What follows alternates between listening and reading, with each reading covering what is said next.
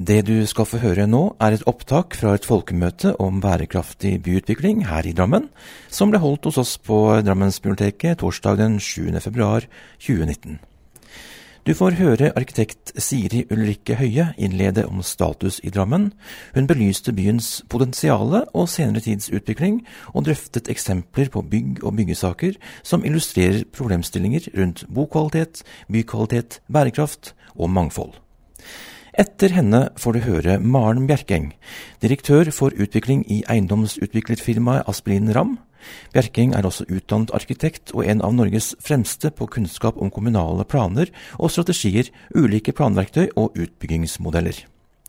I arrangementets andre halvdel leder reportasjeleder i Dagsavisen Fremtiden, Katrine Strøm, en paneldebatt mellom Ståle Størensen fra Miljøpartiet De Grønne Drammen, Fredrik A. Håning fra Drammen Høyre og Arve Vannebo fra Drammen Arbeiderparti. Disse tre partiene vil trolig avgjøre hvilken vei byutviklingen skal ta videre etter valget. Hvilke ambisjoner har de for en grønn og fremtidsrettet by? Hvor går skillelinjene, og hva er de enige om? God fornøyelse.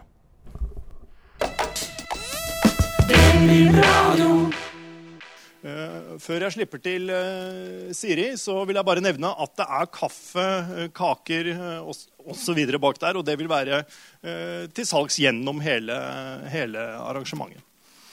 og med det så ønsker jeg deg opp på scenen. Velkommen opp hit, Siri. Vær så god. Ordet er ditt. Tusen takk for det, Carl Emil. Ja, Velkommen til folkemøtet om bærekraftig byutvikling og arkitekturkvalitet. Jeg heter Siri, og jeg er arkitekt, født og oppvokst her i Drammen. Til daglig jobber jeg på et kontor i Oslo som heter MAD Arkitekter. Og etter mange år med utdannelse og arbeid i bl.a. Danmark og Oslo så flyttet jeg tilbake til Drammen for tre år siden med familien min. Bærekraftig arkitektur og byutvikling er et kjempestort tema Måten vi utformer bygg og byrom på, det påvirker både folkehelse, miljø og økonomi i stor grad. Spørsmålet vi ønsker å løfte frem her i dag, er om den nyere utbyggingen i Drammen sentrum tjener byens langsiktige interesser, eller om den i for stor grad er preget av kortsiktig økonomisk spekulasjon.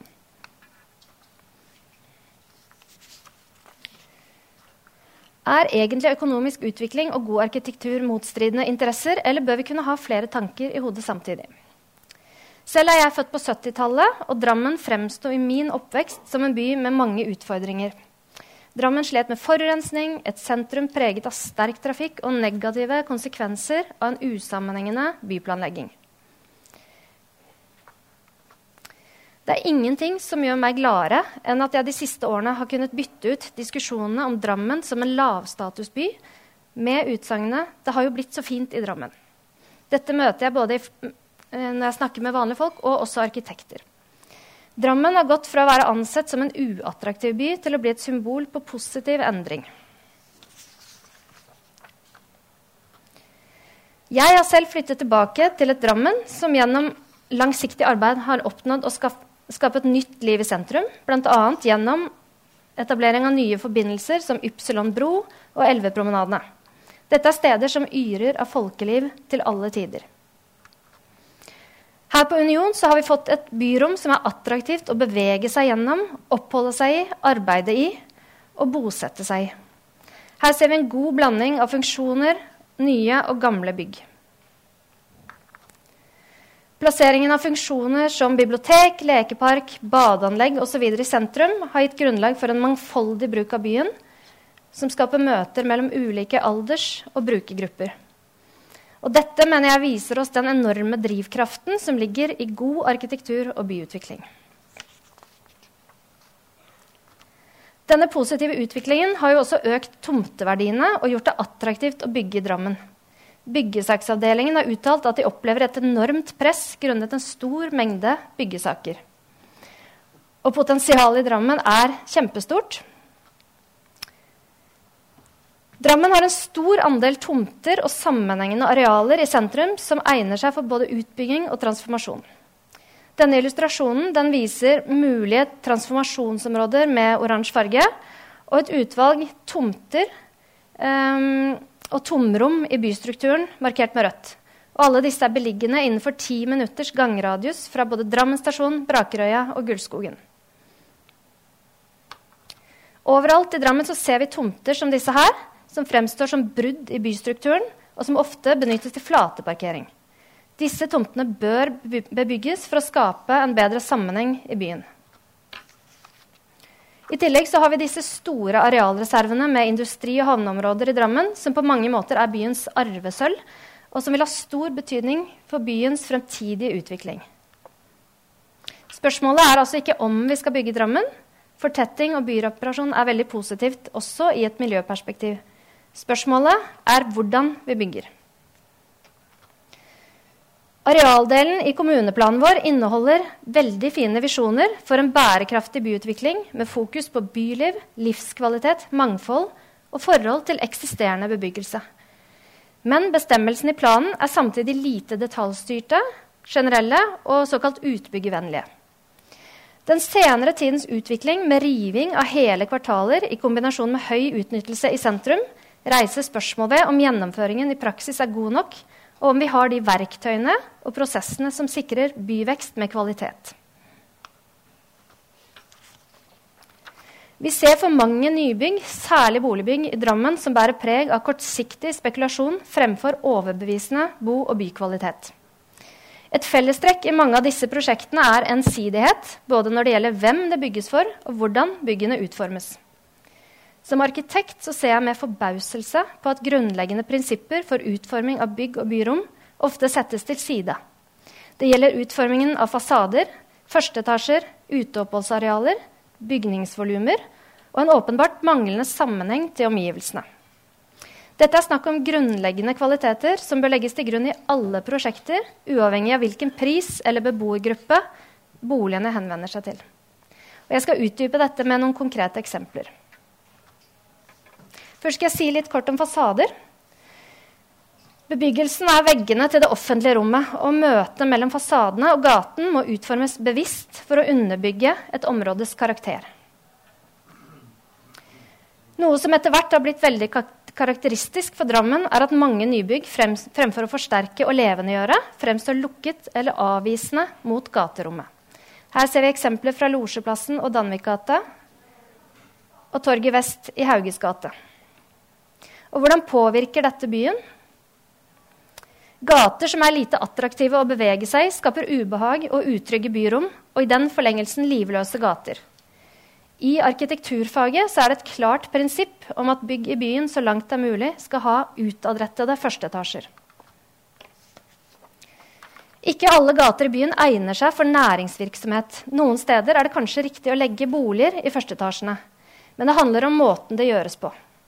I leiligheter som ligger fullstendig eksponert ut i en bygate, som i disse eksemplene, lever folk med nedtrukne persienner. Dette er en byggemåte som det ofte reguleres inn forbud mot, men i Drammen praktiseres det i stor utstrekning. En annen tendens vi ser i Drammen, er parkering som gatefasade. Graving av kjellere er dyrt og vanskelig, og garasjer og andre sekundære arealer som avfallsrom blir heller lagt i gatefasaden. Resultatet blir døde og lukkede fasader, hull og uheldige møter med gaterommet. Igjen ser vi eksempel på en sentral bygate som oppleves som lite attraktiv. Dette eksempelbildet er fra Bislett i Oslo og viser en positiv utforming av førsteetasjeboliger. etter min mening. Her har vi egne inngangspartier til boligene som aktiviserer gaterommet, en forhage som skaper en positiv overgang mellom bygg og gate. Store, lyse rom med en funksjon som tåler eksponering. Og et nivå på detaljering og materialbruk som også er høyt og bidrar til en positiv helhet. Det er også viktig at fasadene utformes på en måte som ivaretar dagslys og utsyn for boligene og behov for skjerming i en tett bysituasjon. Svalgangsløsninger, som vi ser i dette eksempelet fra Bragernes strand, gir preg av en bakside ut mot en veldig sentral bygate. Her sparer man penger på å utelate en ekstra trapp og heis, men bokvaliteten svekkes fordi man får gangtrafikk forbi leiligheten, mindre vindusåpninger og mindre dagslys. Dette er også et prinsipp man i høyeste grad forsøker å unngå i boligprosjekter. Og så skal jeg si litt om estetikk. Fasadenes utforming, detaljering og materialbruk bidrar sterkt til om steder oppleves som attraktive eller mindre attraktive. Man kan diskutere stygt og pent til man blir blå i ansiktet, men et fravær av omtanke for utformingen gir oss bygg som bidrar negativt i bybildet. Og det mener jeg. Her ser vi to eksempler på en enkel bruk av holdbare, miljøvennlige og vakre materialer og en utforming som skaper et fint møte mellom bygg og gate. Bokvaliteten ivaretas her i store vindusåpninger. Når det gjelder uterom til boliger Mennesker har grunnleggende behov for sosialt samspill, tilgang til sol og dagslys og orientering mot verden. Dette henger sammen med folkehelse og livskvalitet og er helt grunnleggende. Barnefamilier trenger boliger med tilgang på romslige, attraktive uteoppholdsarealer på bakkeplan. I Drammen ser vi ofte at en høy utnyttelse av tomtene gjør at felles uteoppholdsarealer på bakkeplan omfordeles til balkonger. Balkonger i seg selv kan ha en god funksjon i bysituasjoner, gitt at de har en fin orientering, sol, og er utformet på en måte som gjør det attraktivt å oppholde seg der. Men balkonger mot nord, mot sterk trafikk, med uheldig eksponering, eller slike fasader som er innglasset grunnet støy og forurensning, er lite overbevisende som oppholdsarealer med kvalitet. På disse balkongene ser man sjelden eller aldri mennesker. Her er et eksempel fra Nederland, hvor man har valgt å legge bebyggelsen rundt et kjempestort og attraktivt gårdsrom, som gir plass til både private og felles uteoppholdsarealer, og I tillegg så kombineres en større kvartalsbebyggelse med mindre boligtyper.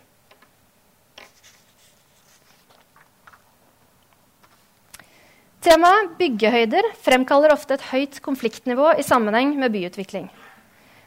Jeg mener at denne diskusjonen bør nyanseres. Ideen om bruk av høyder som virkemiddel er bl.a. at det kan bidra til økt aktivitet i sentrale områder. Bruk av byggehøyder er ikke alene veien til god stedsutvikling. Brukt ukritisk på feil sted kan det ha stikk motsatt effekt. Bruk av byggehøyder må ses i forhold til stedet hvor det bygges, og det må alltid følges av kvalitet i utføringen og kombinasjon med f.eks. gode byrom. På et sted som Stasjonsalmenningen på Strømsø kan en rekke med høyere bygg bidra til å skape en ny sammenheng i et eksisterende tomrom og tilføre ny aktivitet til området.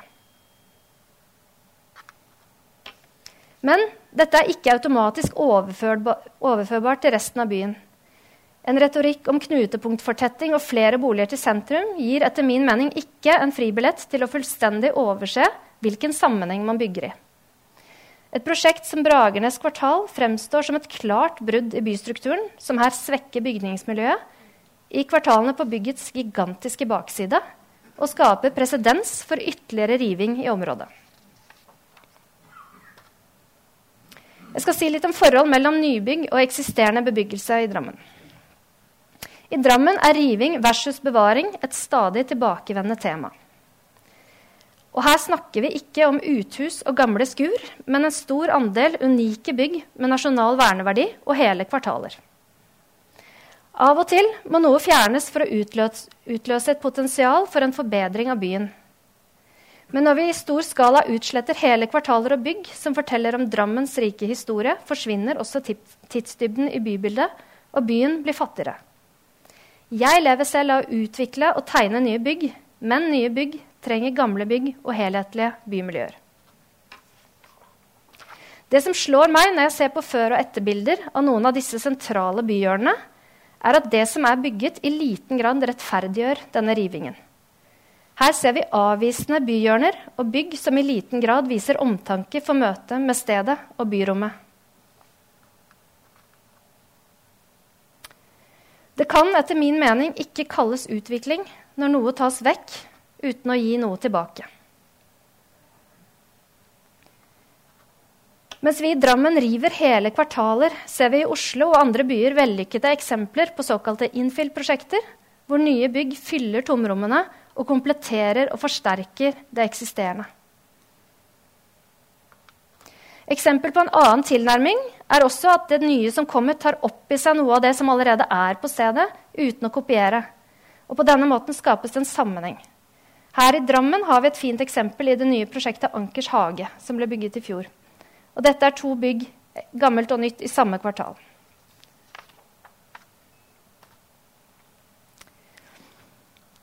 Til venstre så ser vi eksempel på et planlagt prosjekt i Skramstadkvartalet for Bragernes, som også antyder hvordan et nybygg kan ta opp i seg elementer fra eksisterende bebyggelse og samtidig oppfylle kriterier til et moderne nybygg med bo- og bykvalitet.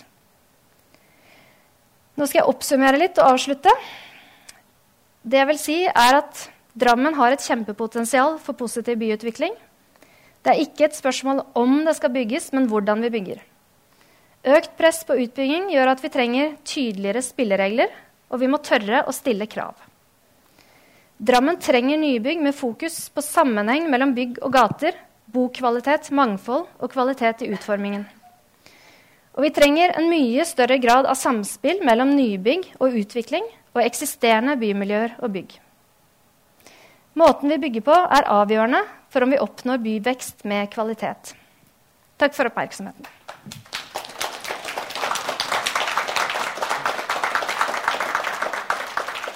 Tusen takk, eh, Siri. Eh, vi rekker et lite spørsmål, en liten kommentar, om det er noe som har noe nå. Hvis ikke så blir det sikkert muligheten eh, i løpet av kvelden. En der. Jeg kan.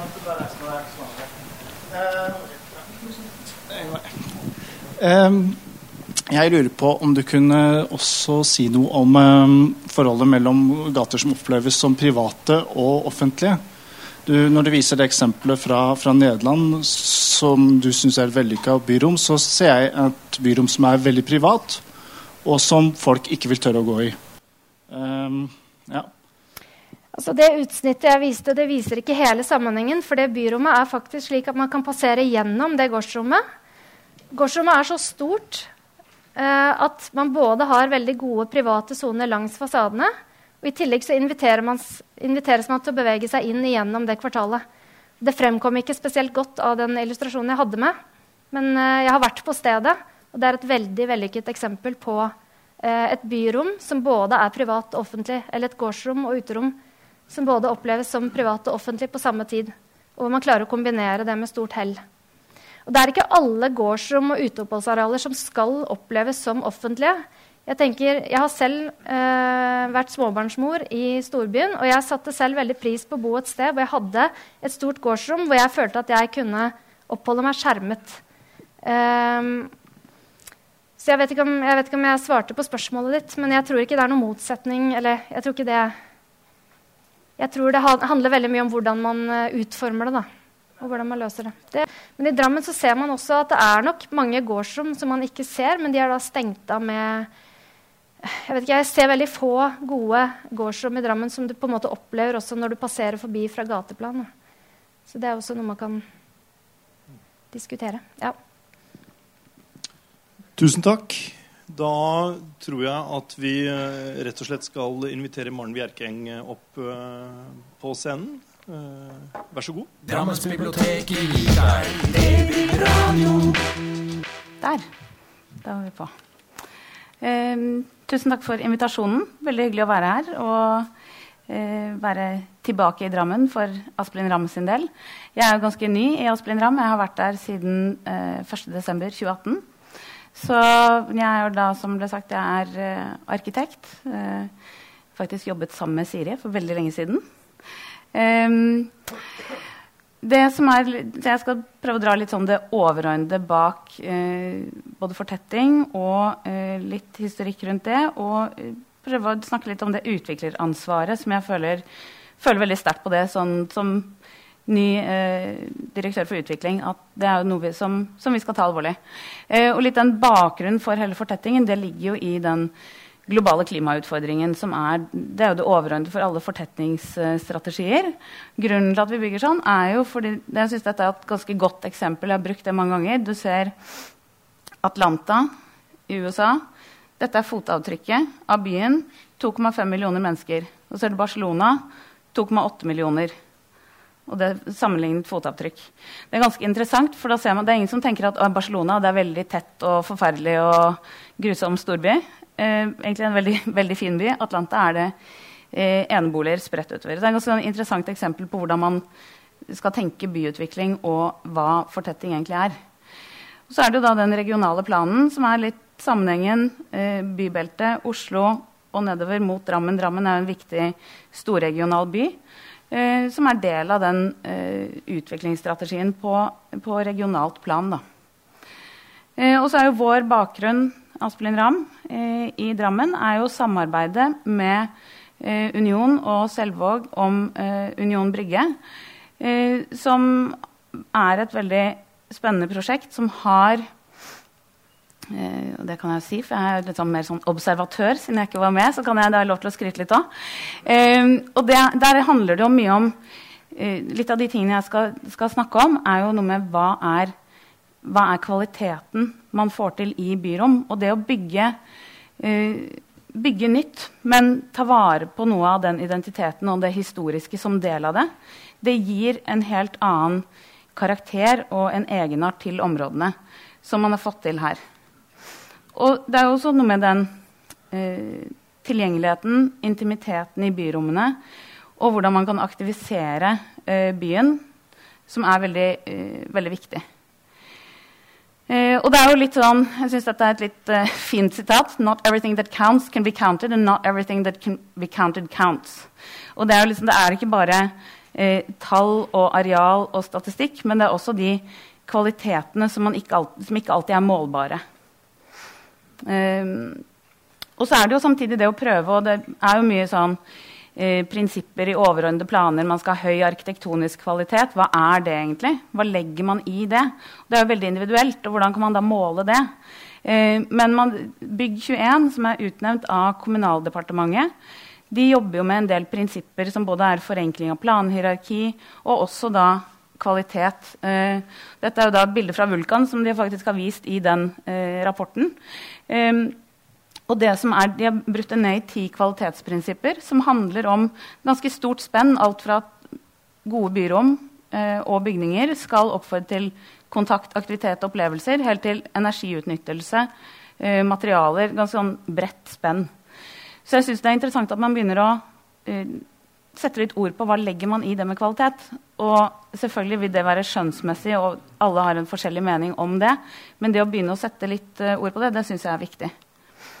Og så er det jo litt sånn hvor vil man egentlig bo? Uh, det er jo litt, dette var et sitat fra Caroline Støvring i Aftenposten i forbindelse med kritikk av mange prosjekter som var små og dårlige boliger.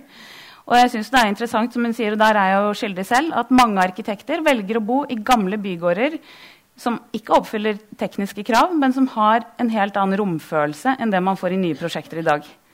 Og det er veldig påfallende. Eh, jeg tror ikke jeg kjenner noen av mine arkitektvenner som bor i nye boligblokker. Og da er det jo liksom, hvem, det vi, hvem, hvem, tegner vi for, og hvordan tegner vi disse boligene? Og det bør man jo Som arkitekt og som utvikler så bør man jo egentlig tenke at vil jeg bo her selv? Det bør jo egentlig være det, krav, det spørsmålet man stiller seg. Og så jo, kommer man også på det med høydediskusjonen. Den er jo, uh, I veldig mange fortettingsprosjekter så er det den to etasjer opp eller ned. Så synes jeg Bosco Verticale i Milano veldig spennende prosjekt, hvor de har gjort noe helt eget med det arkitektoniske uttrykket. Og balkongene som faktisk da er plantekasser hvor du kan ha trær. Og det er jo ingen som sier at ja, det var kanskje to etasjer for høyt. Hadde du gjort det to etasjer lavere, så hadde det, da hadde det funket enda bedre. Eh, er, Man glemmer litt i den høydedebatten å snakke om kvalitet, materialer. Er det et spesielt grep? Det er også noe med kvaliteten. Har man gjort det, det lille ekstra? Eh, jeg sitter også i juryen for Cityprisen. og det er litt interessant, for Der har vi diskusjoner vi snakker om det som vi kaller for Laban-effekten. Har du strukket deg litt lenger? Har du gjort noe ekstra? Og det er ikke noe fasit på hva det er, men hvis du gjør noe som er litt annerledes, og som legger en ekstra kvalitet i prosjektet, så kan man få til utrolig mye spennende. Og også sånn som riktignok her privatisering, men det går jo på tetthet. Dette er i Amsterdam. Tett i tett, men høy kvalitet på materialiteten. Og du har en annen kvalitet med at da har du faktisk båtplassene rett ved siden av. Du har ikke hage, men du kan gå ut og ta båten. Eh, og så er det det med bruk av byrom. Og det er jo ikke alltid at man skal, selv om det er de tomme eiendommene som har et potensial Dette er fra Paris, hvor de da har tatt det er et potensielt innfyllprosjekt, men så har de isteden laget en basketballbane. Og det aktiviserer og bidrar også til den tryggheten i byområdene. Man noen gang gjør litt andre, andre grep. Da. Og så er det noe med størrelsen på byrom. Hvor store skal de være? Et av de mest vellykkede eh, mine favorittbyrom i Oslo for tiden, det er et lite smug som går i Jungskvartalet. Bak det ligger flere utesteder og restauranter. Og så er alle de sammenflettet gjennom dette byrommet, som egentlig er en litt sånn trang passasje. Litt sånn som når man er på ferie i Spania eller Italia syns man det er koselig med de trange smugene. Det å greie å skape de sonene som er litt intime, det er også veldig viktig del av byutviklingen. At man har den variasjonen i byrom. Så det er ikke bare byggene, men det er også byrommene mellom. hvordan man jobber med det. Eh, og så er det jo da den, denne, Dette er et sitat som jeg har stjålet fra Gunnar Bøhum, som har stjålet det og endret det fra Tage Erlander, men jeg bruker det likevel. Eh, for det går litt på det med og, eh, politikk og byutvikling. Det er nettopp det oppgaven for politikere og for utviklere er jo å bygge den scenen der folk kan danse sine liv og leve. Det er jo oppgaven vår. Og da er det jo litt over til utviklerrollen. Eh, hvordan kan man da starte med dette utgangspunktet? Dette er Vulkan, sånn som det var. Og få til dette. Yrende folkeliv og eh, en sammensetning. Og der tenker jeg at nøkkelen til det går, ligger mye i det at man beholder det som kan beholdes der det er eh, verdier å bygge på, og får til en funksjonsblanding. Her har vi da næringsliv, skole, boliger og mathallen i midten. Og jeg ble også spurt om eh, tidligere ble spurt om ja, hvor, hvordan, hva er det som gjør at Vikaterrassen den har jeg også jobbet med tidligere. Hva er det som gjør at det ikke er liv der i helgen eller på kveldstid f.eks.? Uh, det er masse restauranter, og det kunne vært velfungerende. Så ok, Se for deg Vulkan uten mathallen. Hva hadde det da vært? Da hadde det vært velfungerende og greit. Men det er noe med den å ta den investeringen i noe som er litt annerledes. Som kanskje ikke er uh, cash cow fra dag én, men som gjør området til noe annerledes og setter det litt på kartet. Uh, og så er det jo den historiske identiteten igjen. Det med å ta vare på Dette er jo gamle Lysverket, som nå bygges om til hotell eh, i Sommerogata. Og der er det også mye med den plassen foran, som i dag egentlig er Man kjører opp, det er en snuplass, litt parkering. Gi det tilbake til byen som del av prosjektet. Og man har veldig spennende kvaliteter som er der i dag. Det er jo perfekt for hotell. Man kan jo se det for seg allerede. Uh, ups, det gikk litt fort. Nei, feil vei. Og så har vi jo da de mere, uh, min, de mindre prosjektene. Dette er Derlinggata 36 i Oslo. Dette er ikke sånn det ser ut, men dette er sånn det kunne ha blitt hvis man før IG hadde sagt ja, ok, da tar vi tilsvarende og så trekker vi litt ned på materialen der. og Man har fortsatt takhage og greie kvaliteter, men man har da gått på en kjipere fasade. Og dette var faktisk arkitekten som har gjort prosjektet. De fikk i oppgave. Kan dere tegne det? Eh, hvordan ville dette sett ut hvis vi hadde dratt inn på kostnadene i slutten? Så det har de bare illustrert. Dette er heldigvis bare en illustrasjon. Det som står der i dag, er jo dette. Og det handler også litt om økonomien i prosjekt, som er interessant. Fordi kostnadene her, forskjellen fra den fasaden til den fasaden, det er 900 kroner kvadratmeteren. Forskjellen i salg av leilighetene ca. 9000 kroner mer per kvadratmeter pga det grepet. Så det sier litt om eh, hva man kan få til. Og så er det jo det med innovasjon og bærekraft, også i det vi bygger i mindre skala. Eh, dette er da Nordregate, Infill-prosjekt, det også. Ser vi Hanna Markussen, i hvert fall veldig begeistret her. Eh, men det er også noe med sånn, man bruker penger på et prosjekt som vet ikke om vi får det, Dette er jo under bygging nå. Jeg vet ikke om det å bygge i tre på den måten det koster mer. Får vi det igjen? Det vet vi ikke. Men det er en testarena, en måte å utvikle prosjekter på en litt annen måte. Så man kanskje også kan ta seg den luksusen i litt mindre prosjekter og gjøre noen grep som er annerledes. Uh, og at det også da at det er viktig at de infill-prosjektene, det samme prosjekt, uh, visualisering når det står ferdig, at det tilbyr noe til byen. Eh, så har vi da et enda større revitaliseringsprosjekt. Dette, er, dette, var en av de store oppgavene jeg arvet. når jeg begynte, så var det Landbrukskvartalet i Oslo. Det er jo da 50 000 kvadratmeter. Mye eksisterende bebyggelse. Um, er en, det er en utfordring antikvarisk, men det er veldig spennende å se hva den motstanden man får når man har eksisterende bebyggelse og skal få til noe, det gir noe helt spesielt. Og man ser jo også Litt uklart bilde, kanskje, men her Dette er det kvartalet vi snakker om. Her er det barcode. Da ser man litt hvor stort det er også. Og gjennom den typen prosjekter så kan man jo også binde sammen byen og få til grep som, er, som gjør dette til et inkluderende byrom. Og også det med å jobbe med hvordan får man nabolaget engasjert underveis i sånne store byggeprosjekter. Det er ganske viktig, tenker jeg, både hva går på medvirkning og på liksom sette stedet og aktivisere det mens man bygger. Det tror jeg også kan være viktig i de La det vokse seg litt til. Se hva fungerer, hva gjør at folk syns dette er et ålreit sted å være. Og der har vi jo sånn som store transformasjonsområder, som jo også noen av de bildene Siri viste. Hvordan skal man ta de store områdene og få de til å gå fra noe sånn som dette, dette er Vollebekk, ser sånn ut nå, det skal bli sånn. Eh, og når man da har lite eksisterende, det er noen industribygg som står igjen, men det er ikke den historikken å bygge på, da må man tenke helt annerledes. Eh, det vi har jobbet med her, dette er et samarbeidsprosjekt med Obos.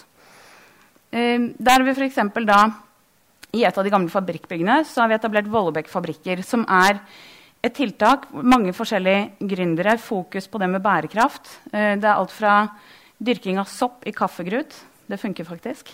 Eh, og eh, mikrohus. Veldig mye forskjellige initiativer. Det er også blitt et samling, samlingssted for folk som bor ikke akkurat i dette området, men i nærheten. Eh, og det, det man gjør sånne ting, det hjelper til å sette området litt på kartet mens det er i utvikling. Eh, men så har vi jo da plansystemet. Og det jeg skal liksom, bruke litt tid bare på å snakke litt om mulighetene og utfordringene med planhierarkiet. For det er når man da jobber med disse prosjektene, sånn som Landbrukskvartalet er i en reguleringsprosess, overordnede planer, kommuneplaner. Og det kan være litt utfordrende. Da, kommuneplan er det øverste. Og så har man kommunedelplaner. Og så har man da forskjellige grep som er strategiske planer og prinsipper og gode tanker. Eh, som ikke er juridiske planer på den samme måten, men som kan, ha, kan være nyttige på nettopp det å definere kvalitet, definere hvordan skal vi jobbe med dette området. Så kommer man til områderegulering. Der har man igjen da planprogram, byplangrep. Den kommer inn fra siden. Og så har man detaljregulering. så er det spørsmål om er det en pil som har forsvunnet her. Nei, den skulle vært der, men det gikk et eller annet gærent. Eh, fordi du, spørsmålet er jo hvor mange nivåer skal man egentlig gjennom? Hvor lang tid skal den utviklingen ta? Eh, det at man kan noen steder gå rett fra kommuneplan til byggesak, det kan også være jeg har noen eksempler på det. Men det kan også være en god måte å styre kvaliteten på. Eller kan man noen ganger gjøre ting på en litt annen måte? At det samtidig følger, følger loven, men at det gir en mer smidighet og et bedre samarbeid mellom de forskjellige aktørene. Eh, et eksempel på det eh, Dette var i tidligere når jeg var i Dark Arkitekter. jobbet jeg med Fornebuporten, som var samarbeid med Bærum kommune. Det vi gjorde der, var at vi hadde stort område. Går hele den. Ikke med parkeringsplassen, men rundt sånn. Og så sa vi at ok, Hvis vi samarbeider, dette må være en områderegulering, så den er det egentlig kommunen som skal gjøre. Så inngikk vi en samarbeidsavtale, og så ble vi enige om at hvis vi samarbeider om dette, og så detaljerer vi det byggetrinnet og dette byggetrinnet nok til å kunne gå rett på byggesak, og så har man en tettere dialog mellom planmyndighetene og den private aktøren. Eh, og så kommer senere utbyggingstrinn, da gjør man detaljregulering for de, de, delene. Og der hadde vi også Dette er en helt ny illustrasjon. Eh, Saadid Architect som vant eh, denne stasjonen på Fornebubanen. Fornebubanen har jo vært den store tri, eh, utfordringen for Fornebu. Dette er også grunnen til at jeg har med dette et eksempel på hvordan kan man tenke litt annerledes man skal koordinere etablering av infrastruktur og private og offentlige tiltak. Det vi gjorde i når vi gjorde reguleringen, så hadde vi en dialog med Ruter. og sa vi, ok, Vi ser at Fornebubanen er planlagt på andre siden av veien. Det er jo kanskje ikke så lurt. Burde ikke den heller gå under tomten? Så kan vi tilrettelegge for at man bare kan bygge, egentlig bare ta hull i dekket som vi bygger nå. Og det er jo det de gjør nå. Så er det da en annen arkitekt som kommer inn og tegner det, men da har man klar, eh, gjort det klart for det. Så der tok jo vi egentlig en litt sånn som jeg noen ganger tenkte at det burde jo kanskje kommunen vært den som koordinerte disse aktørene og disse planene. Eh, men det er jo en måte å tenke på, og det er jo det som er det viktige, at man da får bedre resultat hvis alle tenker sammen. Tjuvholmen det er jo et annet eksempel på en helt ny bydel. Det er veldig mye Oslo-eksempler her, men det er fordi det, det, er mest det vi har. Med unntak av Union Brygge, så er det jo mest Oslo vi jobber i. Um, Tjuvholmen der hadde man jo et område som utenfor Aker Brygge, hvor du har det historiske. Tjuvholmen var det jo ingenting. Det var ikke noe historisk å bygge rundt eller, eller sette identiteten ved hjelp av. Men det som ble gjort her, var jo da at uh, selv om det var én arkitekt som gjorde masterplanen, så var man bevisst på å få forskjellige arkitekter på alle byggene. Det er også et grep som gjør at man, man oppnår litt av den innfill... Uh, skjønner? Jeg skal ikke starte på nytt, tenkte jeg. Påminn meg i morgen. Der den. Der.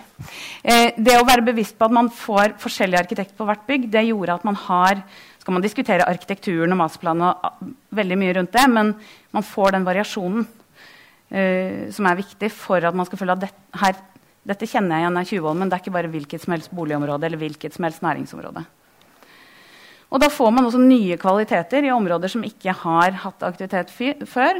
Ved at man kan etablere en strand eller man har, og man har kunstmuseet. Og det er litt andre ting som skjer. Og så er det som jeg nevnte, det med kvalitet sikret gjennom byggesak. Eh, dette, en, eh, dette, var jo rett på byggesak i henhold til kommuneplanen.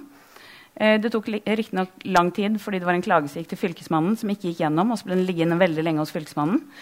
Men i teorien er jo det en måte å stille krav til kvalitet. Kommunen kan gjennom da byggesaksbehandlingen sikre de kvalitetene som er mye mer konkrete enn det man gjør uansett i en reguleringsplan. Så sånn sett kan det også være et godt verktøy. Men det krever at administrasjonen er veldig tydelig på hva er det vi ønsker oss av kvalitet. Alt fra materiale til åpenhet, uttrykk. Eh, og det tenker jeg er en, er en interessant måte å jobbe på hvis det gjøres på en god måte. Og så er det siste som jeg skal nevne, er det med medvirkning med de som bor i områder. Også fremtidige brukere, hvis man kan greie det. Det er noen ganger litt vanskelige boligområder. Men dette var noe vi jobbet mye med i eh, Parkveien. Et prosjekt som er rett bak det er Slottsparken, se bildet bak her, Slottsparken. Og så er det gamle Bertel og Steen-området med veldig mye bevaringsverdig bebyggelse. Og det, det, som ble gjort, dette var rett før jeg begynte, eh, der sa man ok, vi, tar, vi har en arkitektkonkurranse, men arkitektene skal faktisk presentere forslagene sine på et åpent folkemøte. Typ som dette. Inviterer alle inn. Og det å gjøre det, at folk som bor i området, føler at her får jeg faktisk innblikk i prosessen. Det er ikke bare sånn 'Dette er planen.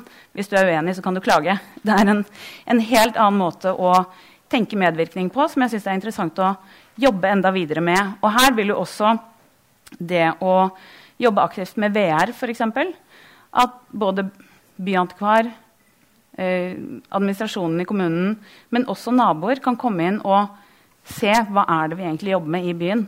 Det tror jeg også oh, ja, sorry. Eh, virtual reality når man har på seg briller og kommer inn i prosjektet og kan gå rundt. Og det var faktisk et annet prosjekt, for jeg hadde da byantikvaren inne på kontoret. Hun fikk på seg brillene og gikk rundt. Og så, men da tror jeg hun nesten syntes det var så gøy å se på det i VR. at det var sånn, ja, dette går bra. Så, Men en, man får en helt annen opplevelse av det. Det er noe alle forstår. å gå rundt i byen og bare se på en, en, tegning som arkitekten skjønner, men ikke alle kanskje skjønner et oppriss eller skjønner en plantegning. Eh, det er jo noe vi har brukt mange år på å lære oss. Og det å da bare kunne gå rundt i byen og skjønne at ja, når jeg går nedover gaten, så er det dette jeg ser. Dette er kvalitetene. Eh, og det kan være ganske realistisk også, de illustrasjonene man da faktisk i 3D kan gå inn og oppleve. Så det tror jeg er sånn viktig verktøy videre også i det å da at alle skal ha et forhold til hvilken kvalitet er det vi bygger, og hva er det vi ønsker. Så det var vel det. Vet ikke om jeg brukte for kort eller for lang tid, men sånn er. Tusen takk. Jeg syns det var helt perfekt. Ja. Eh, på tide og det hele. Eh, spørsmål?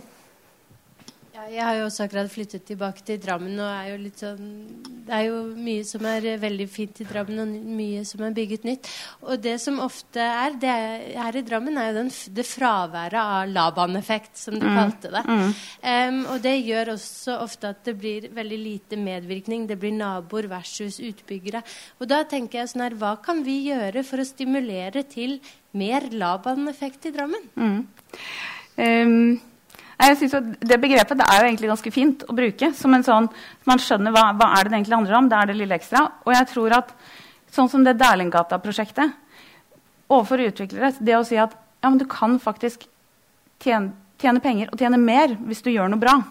Eh, det å formidle det, om det er tall og statistikk eller om det er erfaringer.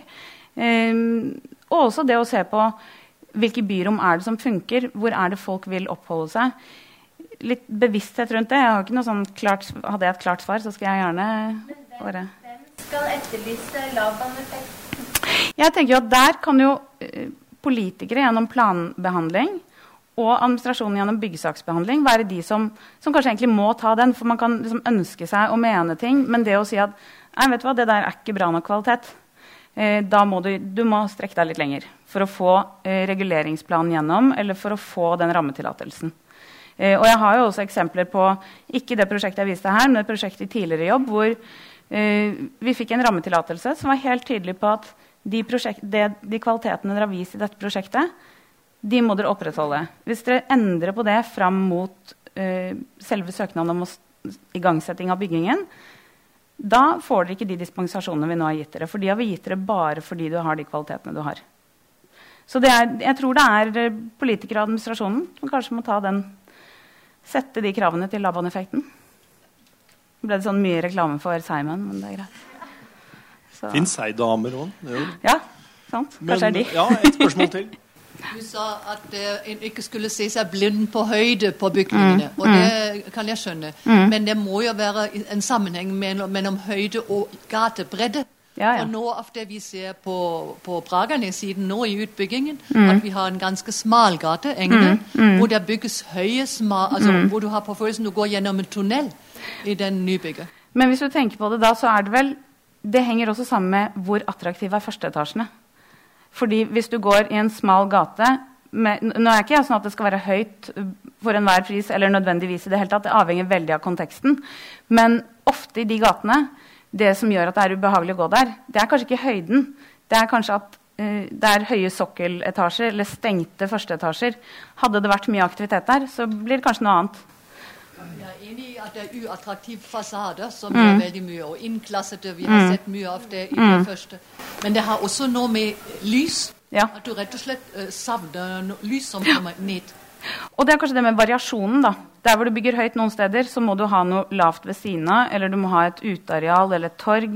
Så det er, det er, det å tenke mer helhetlig også, ikke bare mitt bygg. Jeg har, liksom, jeg har jobbet en del med Kvadraturen også. Der ser vi det der at får du grunneiere i et kvartal til å samarbeide, så har du en helt annen mulighet til å se totaliteten i området.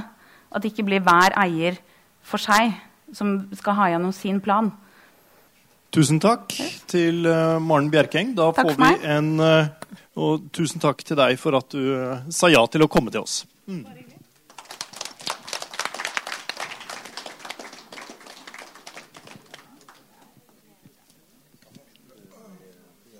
Jeg heter Katrine Strøm og jobber, er veldig heldig. Sitter i dette lille byrommet her og jobber i Dagsavisen Fremtiden. Det er altså i det gamle Brodals gummivarefabrikk bare på skrå over gaten her borte. Og kan skrive ned på mye av det som ble sagt her tidligere om at uh, bydelen er veldig vellykket uh, og dynamisk. Uh, det var du som sa, Magne. Det kan vi takke Silva og, og, andre modige sjeler og politikere i Drammen som stilte seg bak dette. Eh, noen av de vi skal bli litt bedre kjent med, er da Arve Vambo, som eh, er gruppeleder i Drammen Arbeiderparti akkurat for tida. Fungerer det? Eh, ja, fungerer. Eh, men har jo vært politiker i Drammen i mange år. Eh, først eh, en periode for en byliste, og så for Arbeiderpartiet de siste årene. Ja. Og jobba mye også i yrkeslivet ditt med, med byutvikling, rett og slett. Utviklings... ja, særlig det området her. Særlig området her. Eh, Fredrik Kåning, eh, på samme måte. Kombinasjonen av eh, flere år som politiker. Ikke fullt så mange som Arve, i hvert fall ikke i lokalpolitikken. Bare, bare tre år. Tre år i lokalpolitikken. Men til gjengjeld så har han klatra kjapt i gradene. Er jo ordførerkandidat for Høyre til nye Drammen. Og har også 35 år sa du til meg, som megler. Så han også kjenner jo Eh, feltet, eh, altså altså aksene mellom profitt og å få ting til å bli salgbart og lønne seg, og det å, å skulle få riktige folk inn i riktige strøk. Eh, og så er det Ståle, som eh, er Miljøpartiet De Grønnes eh, arrangørens eh, debattant her i kveld. Du er også eh, gruppeleder for, eh, for, De Grønne i, bystyret, og så ordførerkandidat for De Grønne kommende valg. For vi er faktisk inne i et valgår, dere, og det er jo alltid litt morsomt. For da er det litt mer forpliktende hva som sies fra, på sånne her scener.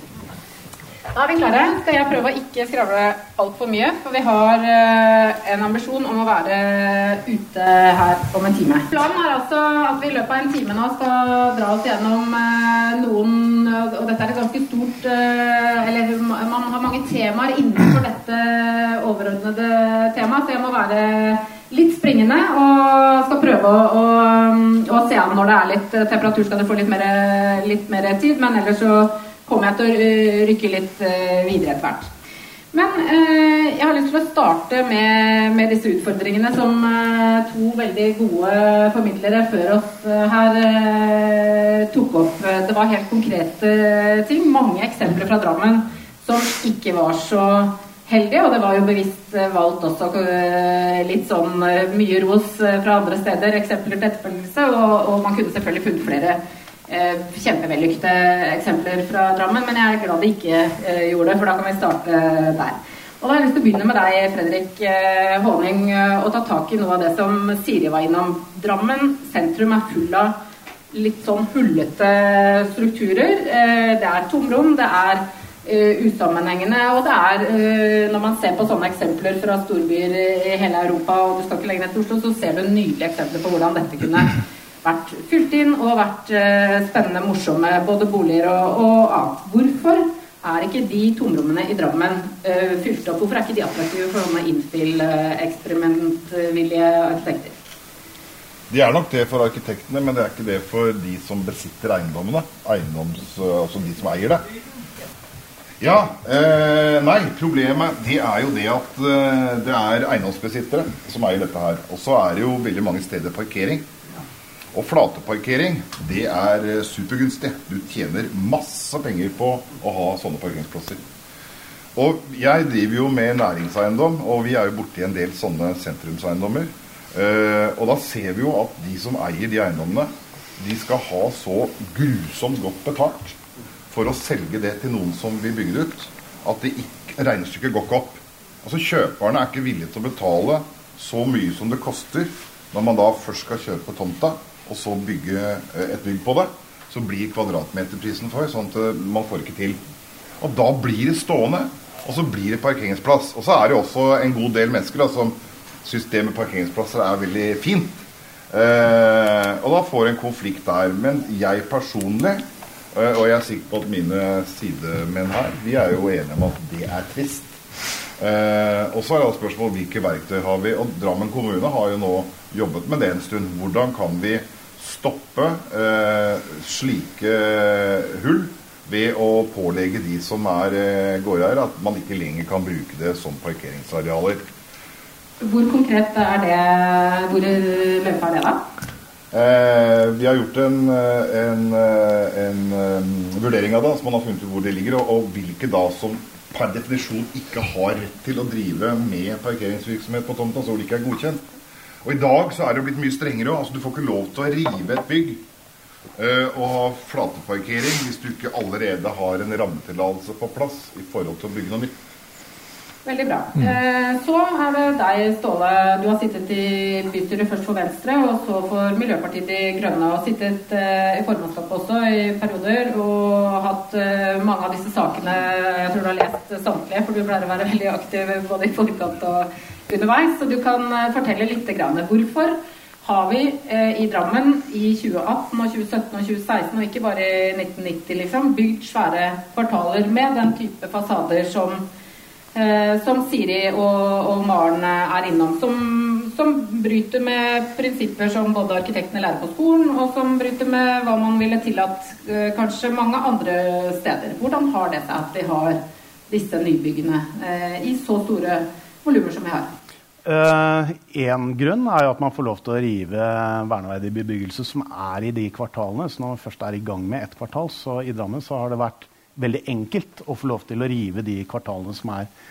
Uh, og det andre er jo parkeringsnormen, uh, som i Drammen legger opp til at man skal ha ganske mange parkeringsplasser i forhold til bygg. Og det betyr at da er man nødt til å spunte, og man er nødt til å gjøre grunnarbeid på en helt annen måte enn hvis man kunne bygd uten parkeringskjeller. Eh, og det betyr da at eh, du får utbyggere som kjøper hele kvartaler, eh, og at det er en eh, politisk presedens at man får lov til å rive verneverdig bebyggelse. Og da er det lagt inn i prisen. Når du kjøper en tomt, så vet du det at Drammen kommune er slepphendte på dette, og at uh, de ikke er noe strenge på det. og Da vil jo prisen øke. Og når da utbygger har betalt mye for tomta, så vil de presse på Eh, så jeg tror på en måte det er eh, utbyggers ansvar. Men det største ansvaret er jo slepphendte politikere eh, som ikke er stramme nok og ikke er strenge nok og ikke stiller krav til hva vi ønsker med byen vår. Og Bragernes kvartal, eh, som ble brukt som et eksempel her, er jo et veldig godt eh, eksempel på at det går gærent. Og der sto det en verneverdig jugendvilla. Hvis den hadde fått eh, lov til å stå, så ville vi fått en helt annen type utbygging. Og hvis vi i tillegg kunne fraveket det som var den gangen parkeringsnormen, som nå er blitt mye bedre, eh, så kunne man også bygd eh, på en helt annen måte. Eh, og så tror jeg eh, kunnskapen om arkitektur er ganske lav blant politikere. Eh, men det er faktisk sånn at også administrasjonen ikke gjør det grunnleggende arbeidet når sakene kommer til politikerne. Så jeg vil, jeg vil tenke at det er uh, flere som synder der. Uh, og det, det, bør ikke være nødvendig at politikere har en enorm kunnskap om arkitektur heller, for det skal være såpass godt behandla i utgangspunktet. Eh, jeg har lyst til å komme tilbake til det med de verktøyene og de, det planhierarkiet som Maren forbilledlig viste her etterpå. så Det kommer vi mer tilbake til. og Dere må bare vise meg et lite tegn når dere har lyst til å få et kort tilsvar, sånn som i dette tilfellet her. Det skal du få lov til å få, Fredrik. Og så øh, kommer jeg til å eh, gå litt videre for ikke å, at vi kjører oss fast i noen debatter som jeg, som jeg, vet kan ta tid. Men dette er jo et morsomt øh, eksempel, fordi at det var en pågående debatt i alle medier lokalt, og det var en politisk debatt også, og ikke minst var det jo Fortidsminneforeningen og flere store Eh, grupperinger som gjorde dere veldig klar over hva dere var i ferd med å gjøre da dette ble, ble vedtatt med ditt partis eh, velsignelse. Ja, men jeg er ikke noe glad for det. Altså, Jeg ville gjerne ha bevart eh, den jugendeiendommen, jeg. Altså, Jeg bor i et hus som er over 100 år gammelt. Jeg er veldig glad i gamle bygg, jeg er opptatt av det. Men nå skal vi huske på én ting. da, Nå, nå sier Ståle at det er sånn slepphendt riving. Vel, det, det har vært det i veldig mange år. Men når vi ser på de diskusjonene vi har nå på hver enkelt eiendom hvor man vurderer riving, så er ikke det noe sånn walk in the park. Ta f.eks. Eh, det bygget, altså gamle Gjerdes eh, handelsskole, eh, hvor vi hadde kjempediskusjoner. Og jeg, noen av oss var ganske klare på slutten at selve det gule Gjerdesbygget, det ville vi ha bevart. Og heldigvis så klarte vi å få til det, og vi ser jo nå at resultatet har blitt superbra. Og det som er kult, det er jo at uh, de som har bygd det, altså entreprenøren, sier jo sjøl at dette ble jo enda mer uh, bra enn det vi hadde lagt opp til ved å rive det. Det er moro. Ståle skal bare ja, kommentere på det. Ja, det, det, Akkurat det bygget skal alle ha kred for. Eh, men det var flere, det var to andre bygg. da, Det ene gikk vi også for å rive, men det var et annet bygg også som man kunne bevart. da. Eh, men, eh, men, det er ikke helt uh, riktig beskrivelse som Honning kom med. For jeg tenker på, Vi har jo en sak med Brager papirfabrikk. Som, der er vi uenige. Der er vi helt uenige, og det er etter at vi hadde den kulturminneplanen ble laget. Og jeg tror også, hvis man vi snakket om alternativ bruk av lokaler her, det er jo et lokal, hvis man har tenkt litt kreativt, kunne blitt benytta til masse spennende ting. Eh, og det ble også revet. Mm. Og Der har jeg lyst til å gå videre til deg, Arve. For jeg har vært på sykkeltur eh, med deg. Jeg har sikkert eh, vært på sykkeltur med alle her. Men jeg husker at Arve og jeg vi har vært på Sunnland om ikke flere ganger, så i hvert fall en gang vi har sittet der oppe. Og dette har Arbeiderpartiet brukt mye tid og, og putta mye planer inn i inn i utviklingen eh, på Sunnland. Og det som er, for å ta det kortere trekk tilbakevendende, det er at dere mener at dere skiller dere eh, fra, fra, Høyre, eller den linja Høyre har kjørt i, i byutviklingen, eh, på at dere ønsker å eh, skreddersy mer målrette eh, boligprosjekter eh, for å tiltrekke flere barnefamilier, flere førstegangsetablerere. ikke så høy inngangsbillett, forhåpentligvis. Mange ting på på en gang. Men uh, hvor mye kan vi stole på uh, altså For det første, hva skal være attraksjonene i det der helt nye sunnlandsområdet som Maren Bjerking var inne på? Hva skal mm. være det som, uh, det som blir motoren i det prosjektet, hvis du får bestemme? Og, og, hvordan skal dere tiltrekke dere de utbyggerne som det ble spurt fra salen her, som strekker seg da så mm. mye lenger for å få, for å få innpass her? Får dere det til å henge sammen økonomisk? Uh, ja, det er et godt og stort, uh, stort spørsmål.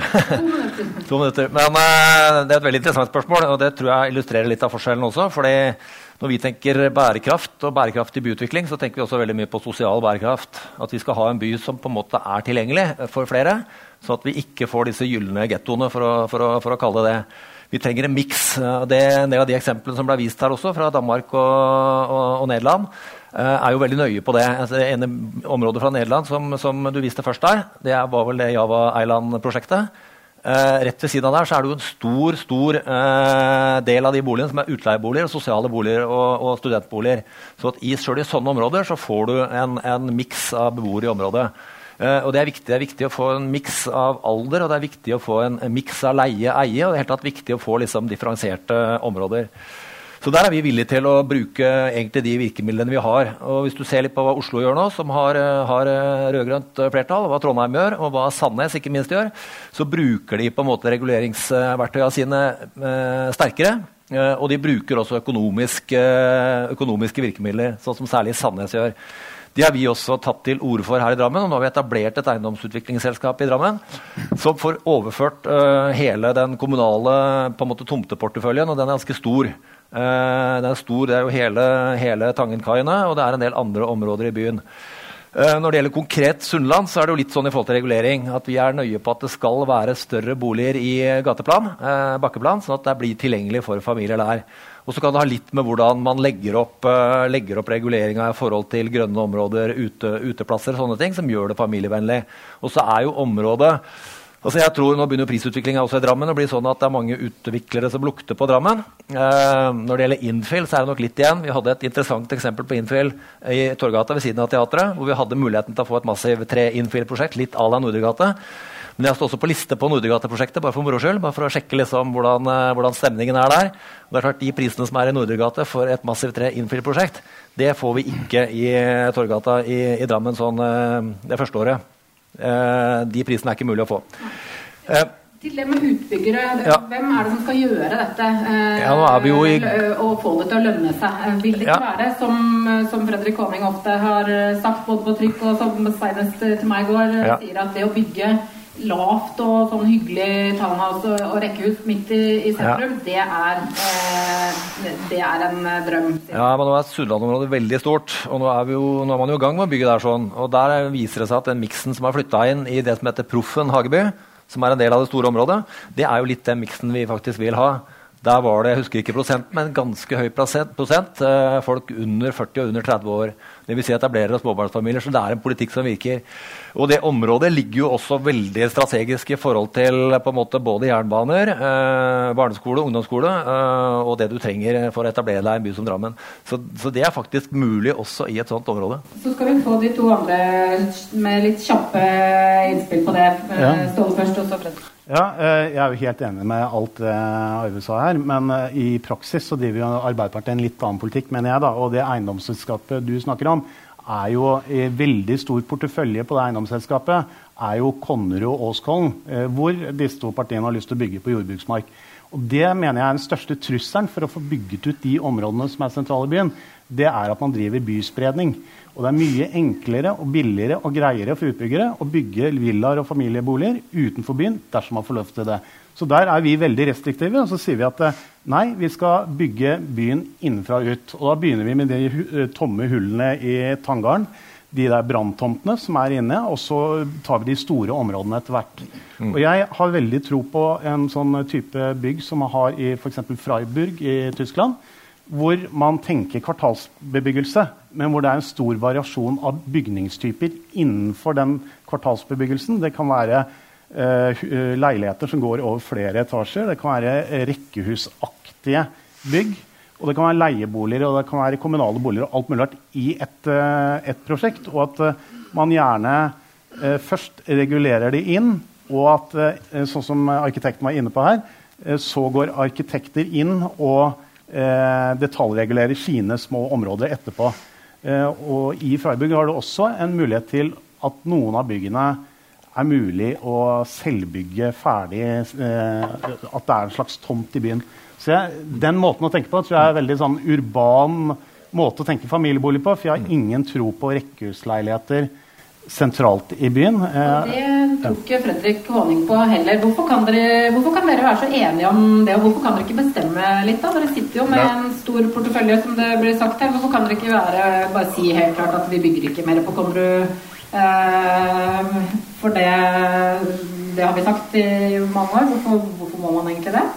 Ja, Men vi er jo ikke enige. Det er jo hele poenget. Altså, Jeg er jo helt enig med Arve. På Sunnland så kan vi bygge på den måten vi snakker om her. Mm. Spennende. Og det tror jeg vi er ganske enige om alle sammen. Når det gjelder de sentrumseiendommene som er relativt små, som ligger her tett på sentrum, så tror jeg det blir en, en drøm, det som Ståle er inne på her. Fordi eh, det er til, tross, eh, til slutt noen som skal betale for dette her, da. Og hvis sluttbrukeren får en kvadratmeterpris på en halv million, så er det ikke mulig å gjennomføre det. Og det er jo det som ligger i saken. Vi mener i Høyre at det skal være valgfrihet. Vi skal ha leiligheter i sentrum. Vi skal uh, utbygging på Sundland med rekkehus og familieboliger. Uh, den typen boliger. Men det skal også være mulig å kjøpe seg et rekkehus på Åskollen. Det skal være mulig å kjøpe seg en eneboligtomt på Konnerud. Men vi er også opptatt av at de utbyggingsområdene vi uh, tar i bruk, de skal ligge sånn til at det finnes infrastruktur, og ikke minst da kollektivtilbud. Men at alt skal være her nede i bysentrum, det er ikke vi med på. Nei. Du syns det holder med ferdselsåret, og det trenger ikke være knutepunkt som, som sådan, har skjønt. Eh, jeg har lyst til å gå videre, selv om jeg vet dere brenner med ting nå. Vi har jo hatt et eksempel som vi ikke går oss helt vill i det, men det har jo vært et eksempel i Drammen hvor utbygger fikk lov å komme inn veldig tidlig særdeles tidlig, ville noen eh, si. Og man hadde gode tegninger og masse store prosjekter. Jeg snakker selvfølgelig om marinlystområdet. Eh, vi skal ikke snuble for mye inn i det, men eh, Arve, ditt parti snudde i den saken eh, underveis. Og det jeg skal fram til, er hva kan vi eh, lære av den av den prosessen og ta med hva, hva positivt av det kan vi ta med videre for å, for å møte litt av det Maren Bjerkeng sa, ja. og, og, komme til den eh, komme inn mm. med en sånn tillit, da, at man ja. får de gode utbyggerne eh, på lag, og, og at de kan stole på at også eh, kommunen da står ved sine eh, løfter dersom alle forutsetninger er oppfyllet. Da. Ja, nei, Jeg er veldig glad for det som skjedde med Marienlyst. Jeg var jo såpass ny i, i dette partiet at jeg snudde jo ikke. jeg hadde ikke noe forhistorie der. Så, så, det var greit. Eh, men i forhold til i forhold til tillit og forhold til prosess, det tror jeg er et veldig, veldig viktig poeng. Og jeg husker jo da vi starta her på området her med Trond Aasheim og Union Eiendom så gjorde de noe veldig riktig, som jeg også var litt med på, som stor, mange var med på, som var en veldig sånn viktig del av, av, suksessen. tror jeg. Det var å invitere veldig tidlig inn i en prosess med litt sånn idédugnad, workshop, fra liksom der var det utdanningsinstitusjoner, eh, der var vi fra kultursida, der var eiendomsutviklerne. Der var det liksom litt sånn forskjellig, og kanskje litt eh, eksempler utenfra som man fikk i gang en prosess. Det er kanskje noe vi kunne lære litt av flere steder. Og det er på en måte litt sånn enklere å få til når du har et sånt område som dette. her sånn, For det er så stort, og det er én stor grunneier. Når det gjelder eh, det, et område som vi har mye om, altså Bragernes ned mot Brakerøya, så tror jeg kanskje det vi må se litt på, det vi har, er jo en sentrumsplan som er, åpner opp for de bygga som, som, er bygd. Det er jo litt av utfordringa. Det aller meste der er liksom innafor gjeldende reguleringsplan. innenfor den sentrumsplanen, Og så disper man litt, for det, ja, de fikk lov der, og så, og så går det litt den veien. Det er mulig at det området rett og slett uh, trenger en, en, en, ny planprosess. Altså fordi, fordi det, det, tar litt av, og det, det, er kanskje en utvikling som ikke er så heldig. Og vi får hele tida disse rivesakene og liksom DISP-sakene som jeg tror ikke er så gunstige. Så det er kanskje et område man burde se litt mer helhetlig på. Og det gjelder jo litt det vi nå er i gang med, med en kjempestor prosess på Gullskogen nord. Der er det en stor kommuneplan, en stor reguleringsprosess, kommer til å ta mange år, men den legger rammer for hvordan det området skal være. Og det er jeg helt sikker på at det tjener vi på i Drammen. i Drammen. Fredrik har bedt om ordet en stund. Ja, det dreier seg om uh, forutsigbarhet. Og det tror jeg vi alle er enige om. Det er forutsigbarhet for innbyggerne, det er forutsigbarhet for politikerne, og det er forutsigbarhet for de som da skal gjøre jobben, altså utbyggerne. Uh, jeg diskuterte i pausen her i sted med, med en, og det, det, som, det som har forma det gode Drammen som vi ser i dag, uh, og som alle Han fortalte han vært i Afghanistan. Og så er det en kar som drar opp en bok. Han, altså, han visste at denne karen var fra, fra, Norge, men ikke at han var fra Drammen. Men så drar han opp han byplanlegger, så drar han opp en bok og så viser han hvordan en perfekt by skal utvikles. Og så er det Drammen. Det er jo ganske kult når du sitter der i Afghanistan og Det er ikke 100 år siden. Det som var poenget, det er at det, det som skjedde i Drammen, var at kommunen, politikerne Næringslivet, utbyggerne, befolkningen, alle var med på en dugnad og sto sammen. Og Det er dialog vi snakker om hele tiden. Det er å ha møteplassene. Og så er det ikke minst å ha det gode planarbeidet som vi skal stå sammen om, sånn at vi får en utvikling som vi er enige om. Ja. ja. Eh, Ståle Kankel ja, ja. Nei, ja, Og det er akkurat det jeg mener mangler. Det er forutsigbarhet. Eh, og jeg syns ikke vi har den forutsigbarheten. Og jeg syns politikerne er lite konsistense i forhold til hva de gjør. Uh, og vi har uh, flere eksempler på den type infill-prosjekter som ble hylla her, som man da har stemt nord og ned, samtidig som man stemmer opp andre ting. F.eks. hadde vi et infill-prosjekt i Tollbugata. Uh, som var da uten parkeringsplasser eller noe som helst. Kjempefint, tilpassa den gamle bebyggelsen, men veldig moderne. Det ble jo stemt ned fordi det var noen naboer som klagde fordi der hadde man ikke nok parkeringsplasser. Så eh, altså man, man, virker som man liksom er så lett påvirkelig at man ikke på en måte står for noe. Og jeg tror det er det viktigste vi kan gjøre som politikere, er faktisk å stå for noe. Eh, og jeg syns at eh, det tror jeg veldig mange eiendomsutviklere merker seg i Drammen. At politikerne er lett påvirkelig og kan gå i forskjellige retninger. og Det er derfor ting ser ut sånn som de gjør. Og Mange av de eksemplene er akkurat sånn. Du skal få et kjapt uh, svar på det, så vil jeg snakke litt mer om det med bysentrum uh, og attraktivitet. Ja, for Da synes jeg du snakka litt mot deg sjøl, fordi at du sa at uh, utviklerne tror at de kan få til ting. Og så sa du det at vi hadde stoppet et prosjekt på bakgrunn av ja. beboerklager. Og det er nettopp det at utbyggerne ikke fikk viljen sin, for det gikk på byggehøyder. Og da sier i det, i det, prosjektet borte i, i Øvre Torgat så var det det. Det var byggehøyder. Eh, og da hører man på hva naboene sier, og så tar man en beslutning ut fra det. Og så kan man vurdere hvorvidt det er riktig eller feil. Men, men, sånn ble det den saken. Men det er ikke noe mønster i det. Eh, det er på en måte ikke man, eh, for eksempel, Vi har også et prosjekt i Tornegata som Høyre og var Arbeiderpartiet kritisk til. Høyre, og, ja, og det er et kjempebra prosjekt, eh, mener jeg. Eh, som, som, er tilpa ja, men rent arkitekturfaglig veldig interessant. Vi kan ta, se bilder på, av det etterpå. Det stemmer man ned, og så stemmer man opp andre prosjekter som på en måte er veldig dårlige eh, rent estetisk. Da. Bare ta den parentesen med en gang, da, siden jeg lovte det i stad. Dette planhierarkiet. Eh, der er det jo partiene skiller seg litt, i hvert fall i prinsippet, men jeg vet ikke om det er sånn i, i, i praksis. I hvilken grad Syns dere det skal være mer politisk behandling? altså Da snakker jeg om detaljregulering. For dere kjenner til, bare gjennom de tre-fire årene dere har sittet der sammen, har vært innom 18 forskjellige helt konkrete enkelt Eh, eiendommer. Og da er det klart det blir som Ståle sier, enten man vil eller ikke. Det blir hvem er til stede den dagen, hvem har forberedt seg best. Og man får i hvert fall en sårbarhet i forhold til det. da. I, i hvilken grad kan man komme dit at man eh, ikke Eller ønsker dere å ha det sånn, eller ønsker dere å, å bygge en, eh, en sterkere eh, administrasjon som i, i, noen tilfeller kan gå så langt som Maren Bjerken var inne på, og kunne gå direkte inn i detaljer fra reguleringsplan? Jeg vet det er et stort spørsmål, men må svare kort. Ja. Uh, jeg var først. Ja, ja. Nei, uh, jeg tror det at uh, vi Man kan snakke om å øke administrasjonen. Husk på at nå har vi vært gjennom en litt sånn kinkig periode i Drammen med korrupsjonssak og usikkerhet og mange som jobber der som ikke tør å ta avgjørelser og sånne ting. Det er mange nyansatte nå, og en styrking og full Vi var ferdig med den saken, leste jeg i går Ja. omtrent. Og og fullt trøkk fra bystyret som går på at dette skal vi få bra. Her skal vi ha en super eh, planavdeling. Dette skal vi klare. Og så må vi huske på det at eh, nå skal vi inn i en ny kommune. Eh, og en av de første oppgavene den, det nye kommunestyret som da kommer til å hete, eh, vil måtte ta fatt i, det er jo kommuneplanen og kommuneplanens arealdel. Eh, og det blir jo et kjempeomfattende arbeid, for du skal jobbe helt fra Krokstadelva ikke sant, og helt ned til Berger. Men da vil det være veldig viktig å legge de premissene klare nå med en gang.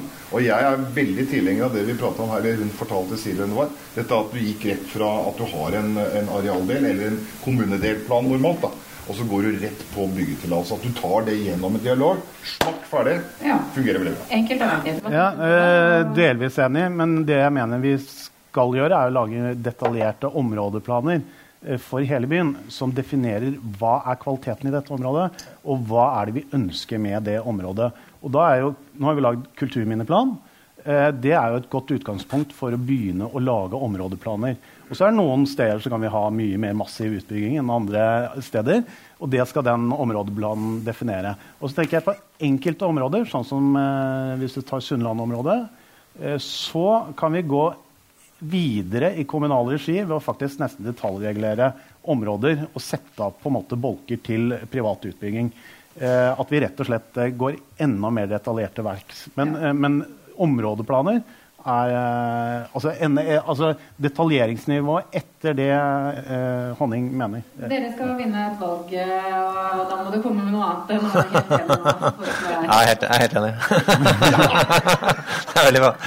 Um, nei, Det jeg ønsker meg litt fra administrasjonen, er egentlig at de er tydeligere, at de er klarere. at de bruker, de, altså Det er mye fagkunnskap i den administrasjonen, og den kan de godt bruke. De kan godt være tydeligere, godt være synligere faglig. Det savner jeg egentlig i Drammen kommune litt sånn generelt. Enten det gjelder kultur eller det gjelder eh, byutvikling.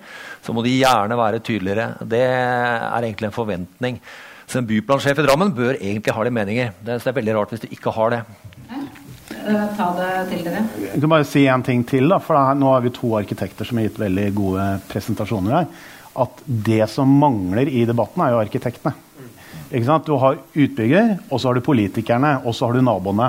Men hvor er arkitektene? Eh, og arkitektene må også kjenne sin besøkelsestid på å ha en debatt som eh, er opplysende i forhold til hva er god arkitektur, og hva ønsker vi med byen. Nå skal vi over på det som eh, mange er opptatt av fordi vi ferdes i sentrum alle sammen eh, på litt forskjellige tidspunkter av døgnet, vil jeg tro. Eller i hvert fall gjennom livet gjør vi det.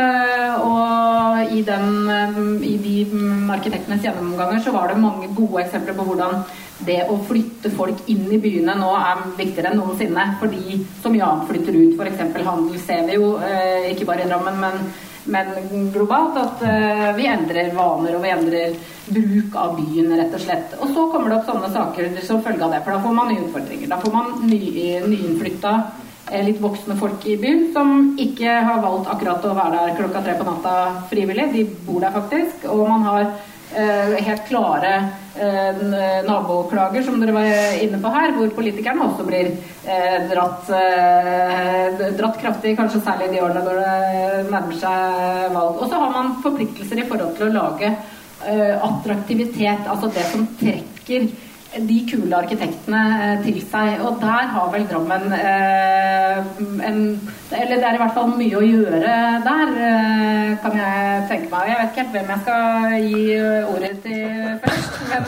men Arve skal, skal få det. Du skal på oss. Nei, men hva, hva kan vi gjøre for å, for å komme over i den fasen at sentrum skal være eh, dynamisk og, og attraktivt, og, og at det går gode folk der samtidig. Ja. For det første så er det jo veldig bra at det bor folk der. Det er liksom et helt grunnleggende premiss. Og det er jo en utvikling. Altså Da motorveibrua ble bygd, så tømte jo vi liksom eh, sentrum egentlig for folk. Altså Fra slutten av 60-70-tallet så forsvant det liksom Jeg tror ennå ikke Bragernes helt har fått igjen den befolkninga de hadde før det. Eh, så, så, så, så vi har mye å tette her.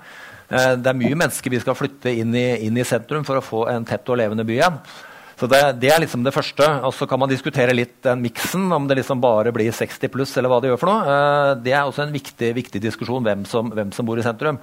Um, men det du drar opp litt, det med liksom attraktivitet og aktivitet, det tror jeg er veldig grunnleggende. Og jeg synes Et godt eksempel er den saken vi hadde i Tollbugata, hvor vi har fått et sånt uh, revitalisering av et byområde som egentlig var ganske dødt. Og Det har jo skjedd etter at på en måte, de som driver næringen der, eh, engasjerer seg sjøl. Eh, og så går det an å ta litt tak i det politisk og få jobba med det. Og så få fram, på tross av en del sånne vanskeligheter, for der er det en fylkesvei, så det er jo Statens vegvesen som eier den gatestubben. Og de er litt sånn, det er vanskelig. Og så har du en kommune som liksom har litt andre interesser, og så har du noen naboer, og så har du gårdeiere, og så har du drivere i de gårdene. Og alt dette er ganske komplekst. Men der fikk vi i gang en prosess hvor vi fikk samla alle de interessene. Vi fikk liksom lagt såpass mye politisk eh, trykk på det at de samla seg, eh, diskuterte, jobba i den prosessen og kom fram til et resultat som alle kunne leve med. Nå har vi evaluering av det, og den er veldig god, til og med fra naboene som bor på andre sida av gata. Så det blir nå videreført som en permanent ordning. og Det har vi da prøvd å videreføre litt på, på Bragernes og tenke å invitere liksom inn uh, bransjen. Uh, nå snakker vi litt om servering- og opplevelsesbransjen, for det er en veldig viktig bransje for å skape liv i sentrum. Ja. Ståle? Ja, uh, det var jo flere mennesker som bodde i byene i, på 40-50-tallet enn det det er nå. Ja. Så det, den urbaniseringen man snakker om, er jo egentlig bare at det som overtok Hvorfor flytta folk? Eh, arbeidsplassene forsvant jo ut av byene, men det var også at bilene kom inn i byen. Mm. Eh, og det ble jo dårligere og dårligere å bo der. Eh, og nå har vi i Drammen har vi jo faktisk gjort en ganske god jobb med et veldig stort eh, gågatenett, og at torget eh, er der der. Eh, men vi har ikke klart å skape liv nok. Men jeg er veldig sånn optimistisk for fremtiden. da. For jeg tenker sånn Erling Doktholm han, han driver og skriver om det her at de som kommer til å merke netthandelen, det er ikke, kjøpe, det er ikke sentrumshandelen. Fordi i sentrum, sentrum, så har du opplevelser i tillegg. Det er kjøpesentrene. Og det ser vi i USA, at kjøpesentrene går dukken, men, mens eh, bydelssentra og sentra de overlever. Eh, Fredrik skal få to ord på det feltet før jeg kommer med litt flere eh, litt korte utfordringer. Nei, altså Jeg syns det var fint at Arild nevnte det med Tollbugata. fordi det er jo stadig snakk om at det er bare 50 pluss som uh, bor i disse leilighetene. Og i Tollbugata så har vi gamle St. Halvard skole. Mm. Der tror jeg ikke det bor nesten én over 30, for å si det rett ut. Nei. så det er mange sånne forskjellige Det er nok derfor de ikke klager. men, men, det å lage liv i sentrum Vi må også ta inn over oss at vi ikke er Vi er ikke Oslo, vi er ikke 600 000 innbyggere. Eh, det er, eh, det er ikke så mange mennesker som kan fylle alle disse eh, arealene og det å få disse minglegreiene altså, Folk prater om at det er, det er liksom tomt i Drammen. Ja, altså, på en dag som dette er klart det er tomt på torget og i gatene i dag. Det er ingen som orker å gå der ute. Men det, er sånne, man har glemt en del sånne planer som man hadde altså for mange år siden, eller på 80-tallet, eller 90-tallet kanskje, så var det jo en tanke bl.a. om å bygge inn gågata. Nedre Storgate. Etter, etter mønster av det man har gjort i, i blant, eh, blant Canada, hvor mange byer har bygd inn fordi folk ikke vil gå ut og bli kalla. Og det, vi må kanskje finne tilbake til litt, litt, sånne spesielle løsninger som gjør at folk vil bruke sentrum i større grad. Men mange av oss som var unge for ikke så lenge siden, og fortsatt hender beveger oss ute, og jeg møter jo dere der òg de sjeldne er ute. Eh, det handler jo også om altså, rent konkrete ting. Det trenger ikke å være overbygg og gågate. Det kan være en, en passe stor scene med, med plass til eh, passe mange folk. Ikke 300 eller 400 folk, men kanskje 100. Eh, og det er mange eksempler eh, som lokale ildsjeler både i, i utelivsbransjen sjøl, men også andre frivillige organisasjoner og, og andre har, har, stått og, og, pekt på og kommet med eksempler på i massevis. Et eksempel som ikke vi har eh, skrevet så mye om eller diskutert så mye om, er, er muligheten for å bygge videre på det strømseventyret som du er inne på, som er i god eh, gli, og der folk faktisk er ute i gatene selv i dette slags været. Eh, med å ta tilbake et kulturhus i, i, den gamle banken, som også var diskotek da jeg var russ omtrent. Eh, og sånn sett ligger godt eh, Det er faktisk bygd langt på vei ferdig. Det var et prosjekt som nesten ble noe. Hva skal til for at kommunen kan liksom eh, dytte, dytte, sånne ting eh, akkurat den meteren som mangler. Eh, nå var det ja jeg, jeg, jeg, var ikke helt ferdig med det andre temaet, egentlig. Jeg vil bare ferdigstille det. fordi at Eh, det med opplevelser eh, og torget. At det liksom er så dødt på torget. Det er jo faktisk sånn at Hvis du drar til Oslo, så er det handel fra varevogner. Og det er forbudt på torget i Drammen. Også vi har noen rigide regler i forhold til eh, hvordan vi har organisert torghandelen, og hvordan hele sentrum er organisert, eh, som vi veldig enkelt kan gjøre noe med. Uh, og det er hva er galt? Altså, sier jeg som MDG-er. Jeg har ikke noe problem med at man står og selger smultringer fra en, en motorisert. motorisert uh, vogn, altså. Uh, og det, det, er faktisk Jeg mener at man skal legge til rette til, med sånne ting. Vi skal se på regelverket. Vi har jo sånne veldig strenge gjerder rundt uteserveringen. Kan, rundt Globus, f.eks., så er det jo de som ønsker å sette ut varer, har jo bare en sånn meter utafor. Altså, Hvorfor kan de ikke bruke hele området imellom? Eh, det ønsker de selv å gjøre, men det er veldig vanskelig for Drammen kommune. Så her kan vi gjøre ting veldig sånn enkelt. Kan man ikke det i dag, eh, Fredrik? Nei, så Man har jo vedtatt et eh, reglement, da, som det heter. og jeg har litt moro av det, for jeg har kopi av det reglementet på telefonen min. for det er det er så mange som klager på at det er så dyrt på torget. Eh, Bl.a. å bruke torgscenen. Det er ingen som kan gjøre, for det koster så mye. Men det er jo klin gratis da hvis du driver en frivillig organisasjon. Det koster ikke en krone. Og, det, og jeg regna ut at det å, å, ha en torgbod det koster 12 kroner og 90 øre dagen hvis du går inn på en halvtårsavtale for en vanlig 10 kvadratmeter. Jeg tror ikke det er det som ødelegger. Men det er klart at hvis du skal stå på torget og selge egg, eh, og du selger eh, og du ikke tjener penger på det, hvem er det som gidder å stå der da? Og Det samme gjelder i andre sammenhenger. Man prater om den mathallen. Jeg syns det er kjempegodt forslag.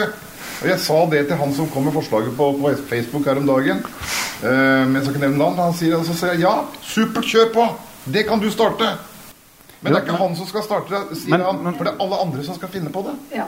Eh, da er det jo også, som Maren Bjerking sa, at disse tingene lønner seg jo ikke fra dag én. Så der må man jo finne løsninger. Men Arve? Ja, bare i forhold til det du sier med liksom, uh, reglement og, og sånt noe. Da har jeg lyst til å vise til min interpellasjon til, til, bystyret for ikke så veldig lenge siden, som tar opp akkurat de tinga som, som, som Ståle også nevner. Det er på en måte at vi sitter med et sånt reglement for bruk av sentrum egentlig, som er fra 90-tallet, som er veldig kronglete. Uh, det skal være sånn og sånn pullerter, det er sånn og sånn meter. Og så var litt Min tanke var at se på byer som på en måte er litt mer fleksible der f.eks. Malmö eller Nederland eller, eller, veldig mange steder rundt om i Europa, hvor de tar i bruk disse åpne plassene, torgene, områdene på en litt mer sånn aktiv måte. Og hvor du kanskje går i dialog med kulturliv, eh, serveringsbransje etc. For liksom å Vær så god, bruk det. Jeg tenker Alle som driver servering rundt Bragernes torv, de burde egentlig få lov til å liksom møblere det torvet ganske mye. Eh, og det gjelder egentlig også andre steder i byen. Og en del av, eh, både, altså, Gågata, eksempel, det brukte jeg konkret som eksempel. Den er ganske lang, og det er ikke mulig å sitte noe sted og ta en kopp kaffe der ute. Da er det jo ikke en gågate. Hvis du ikke kan sette deg ned og drikke kaffe i den gata, så er jo helt død. Så, så, sånne, ja, det tror jeg også, men, men allikevel så Hvor er vi da, liksom? Runda litt dette, men Ja, vi er enige i det. Ja, ja, nei, altså, vi er helt uh, enige i det. Og, og, det er jo veldig merkelig at vi skal være liksom strengere på, på liksom, uh, food vans, da, som ja, det heter, det også, ja. uh, enn en det Oslo er. Ja. Og jeg skjønner ikke helt Det er noen skjenkeregler der som vi må se på, men er, her er det fullt mulig å gjøre noe med det. Men jeg tror at dette må ut av kommunens kontorer.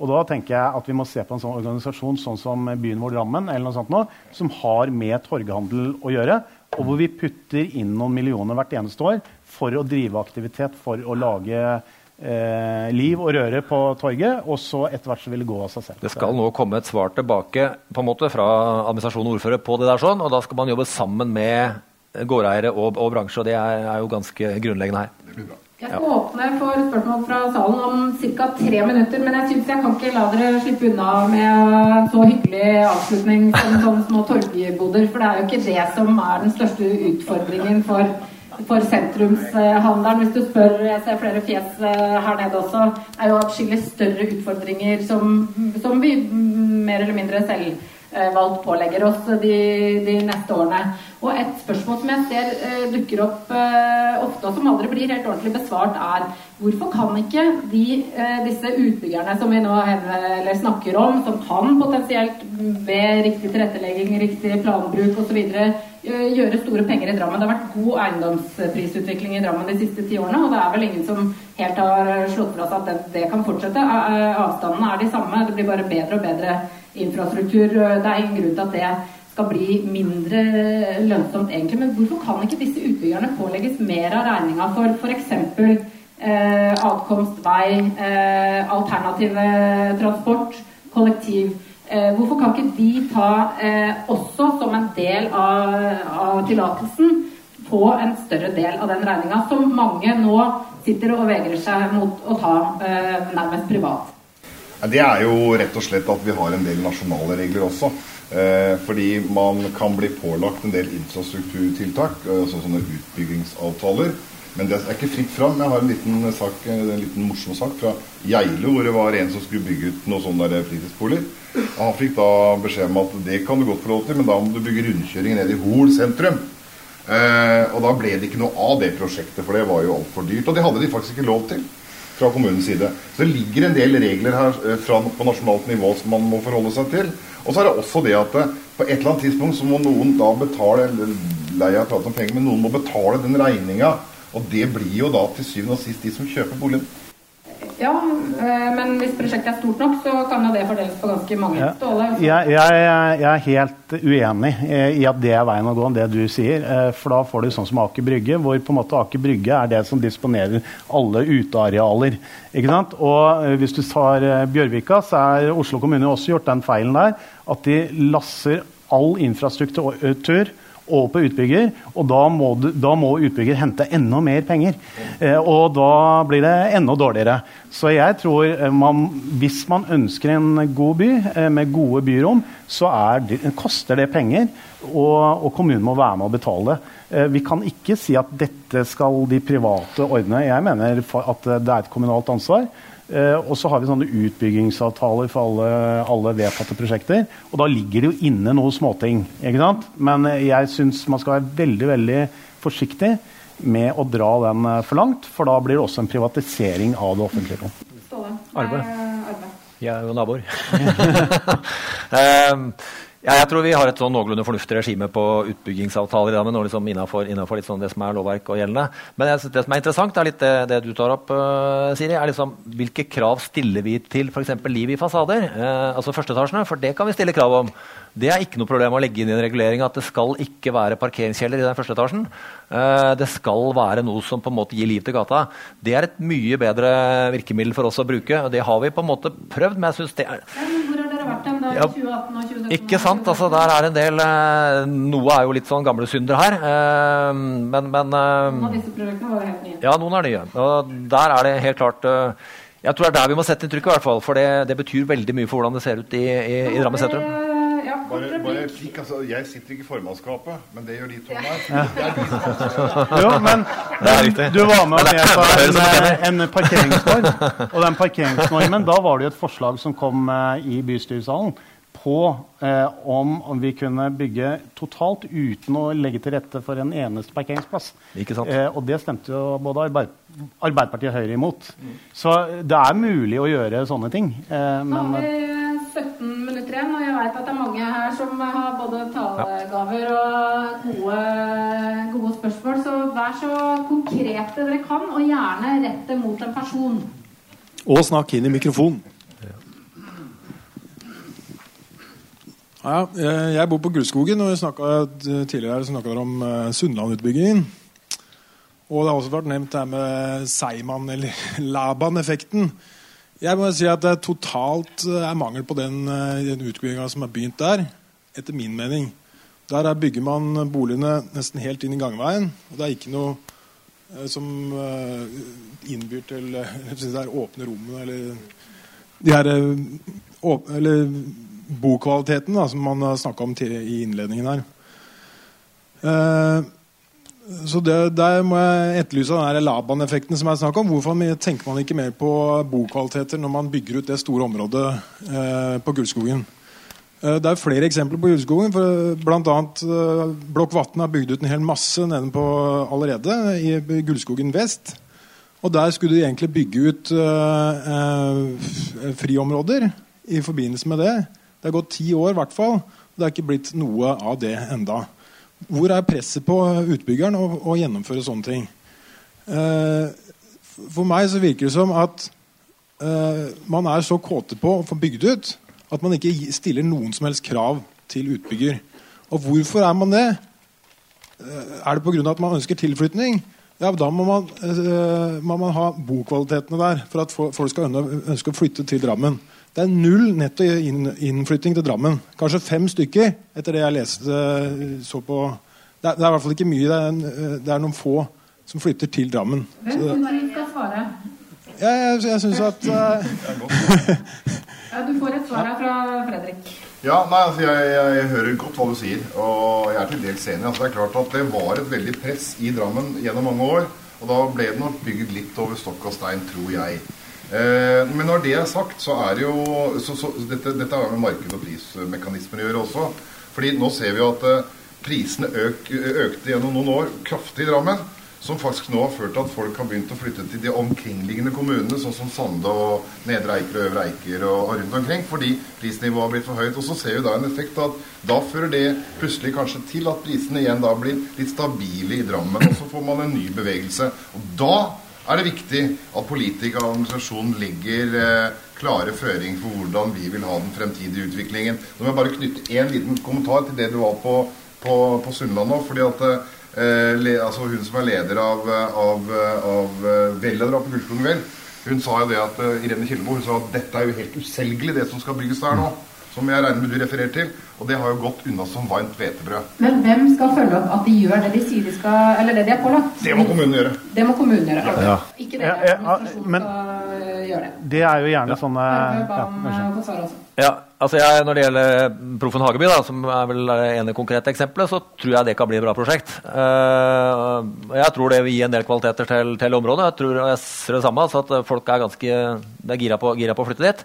Det har en del sånn på en måte småby-storbyen-kvaliteter. Men det sagt så tror jeg også at det er litt sånn som det nederlandske eksempelet igjen, hvor du ser det her eh, på en måte forhagesystemet. Eh, og I Nederland er det også sånn at eh, der det ikke er forhage, der får folk faktisk lov til å privatisere litt av det som er offentlig grunn. sånn Halvprivatisere. Få til å sette ut stoler og bord og møblere, sette ut potteplanter og sånn. Og, og, da får du en litt mer sånn fleksibel situasjon. Det tror jeg vi kan bli litt flinkere til. Flere spørsmål, og må svare veldig kort, Nei, altså det er jo en sånn uh, rekkefølgekrav som ofte ligger inne når vi vedtar byggesaker.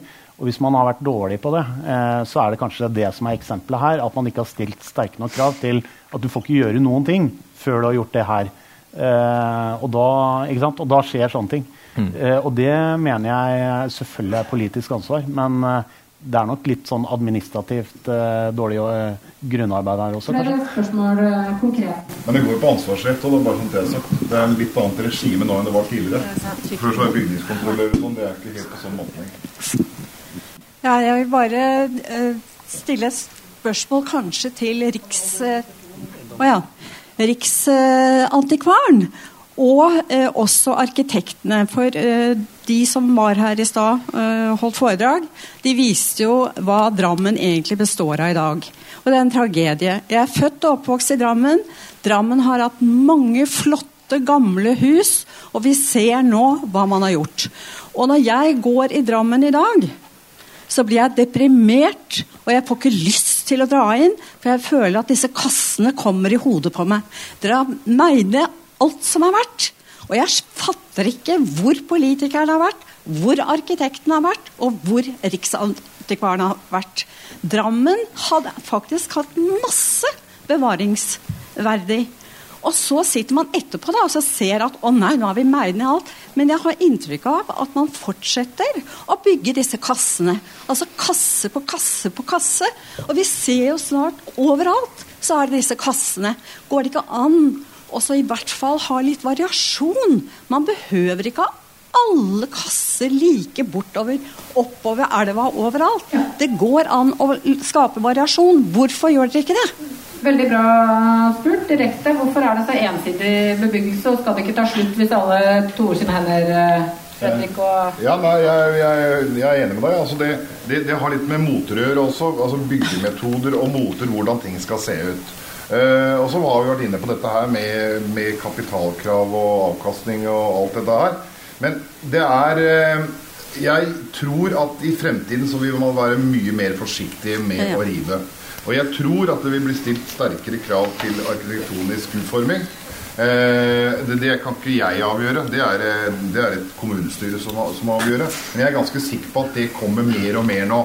Hvis du blir ordfører, så skal du i hvert fall Ja, altså, Jeg har jo allerede flagga hvor opptatt jeg er av bygningsvern, så det sier seg sjøl. Men jeg, bare, jeg må få lov å ta et eksempel. Hvis du tar da Engene-kvartalet, som, som, som vi har snakket om nå, så, så ble jeg presentert for de planene ganske tidlig.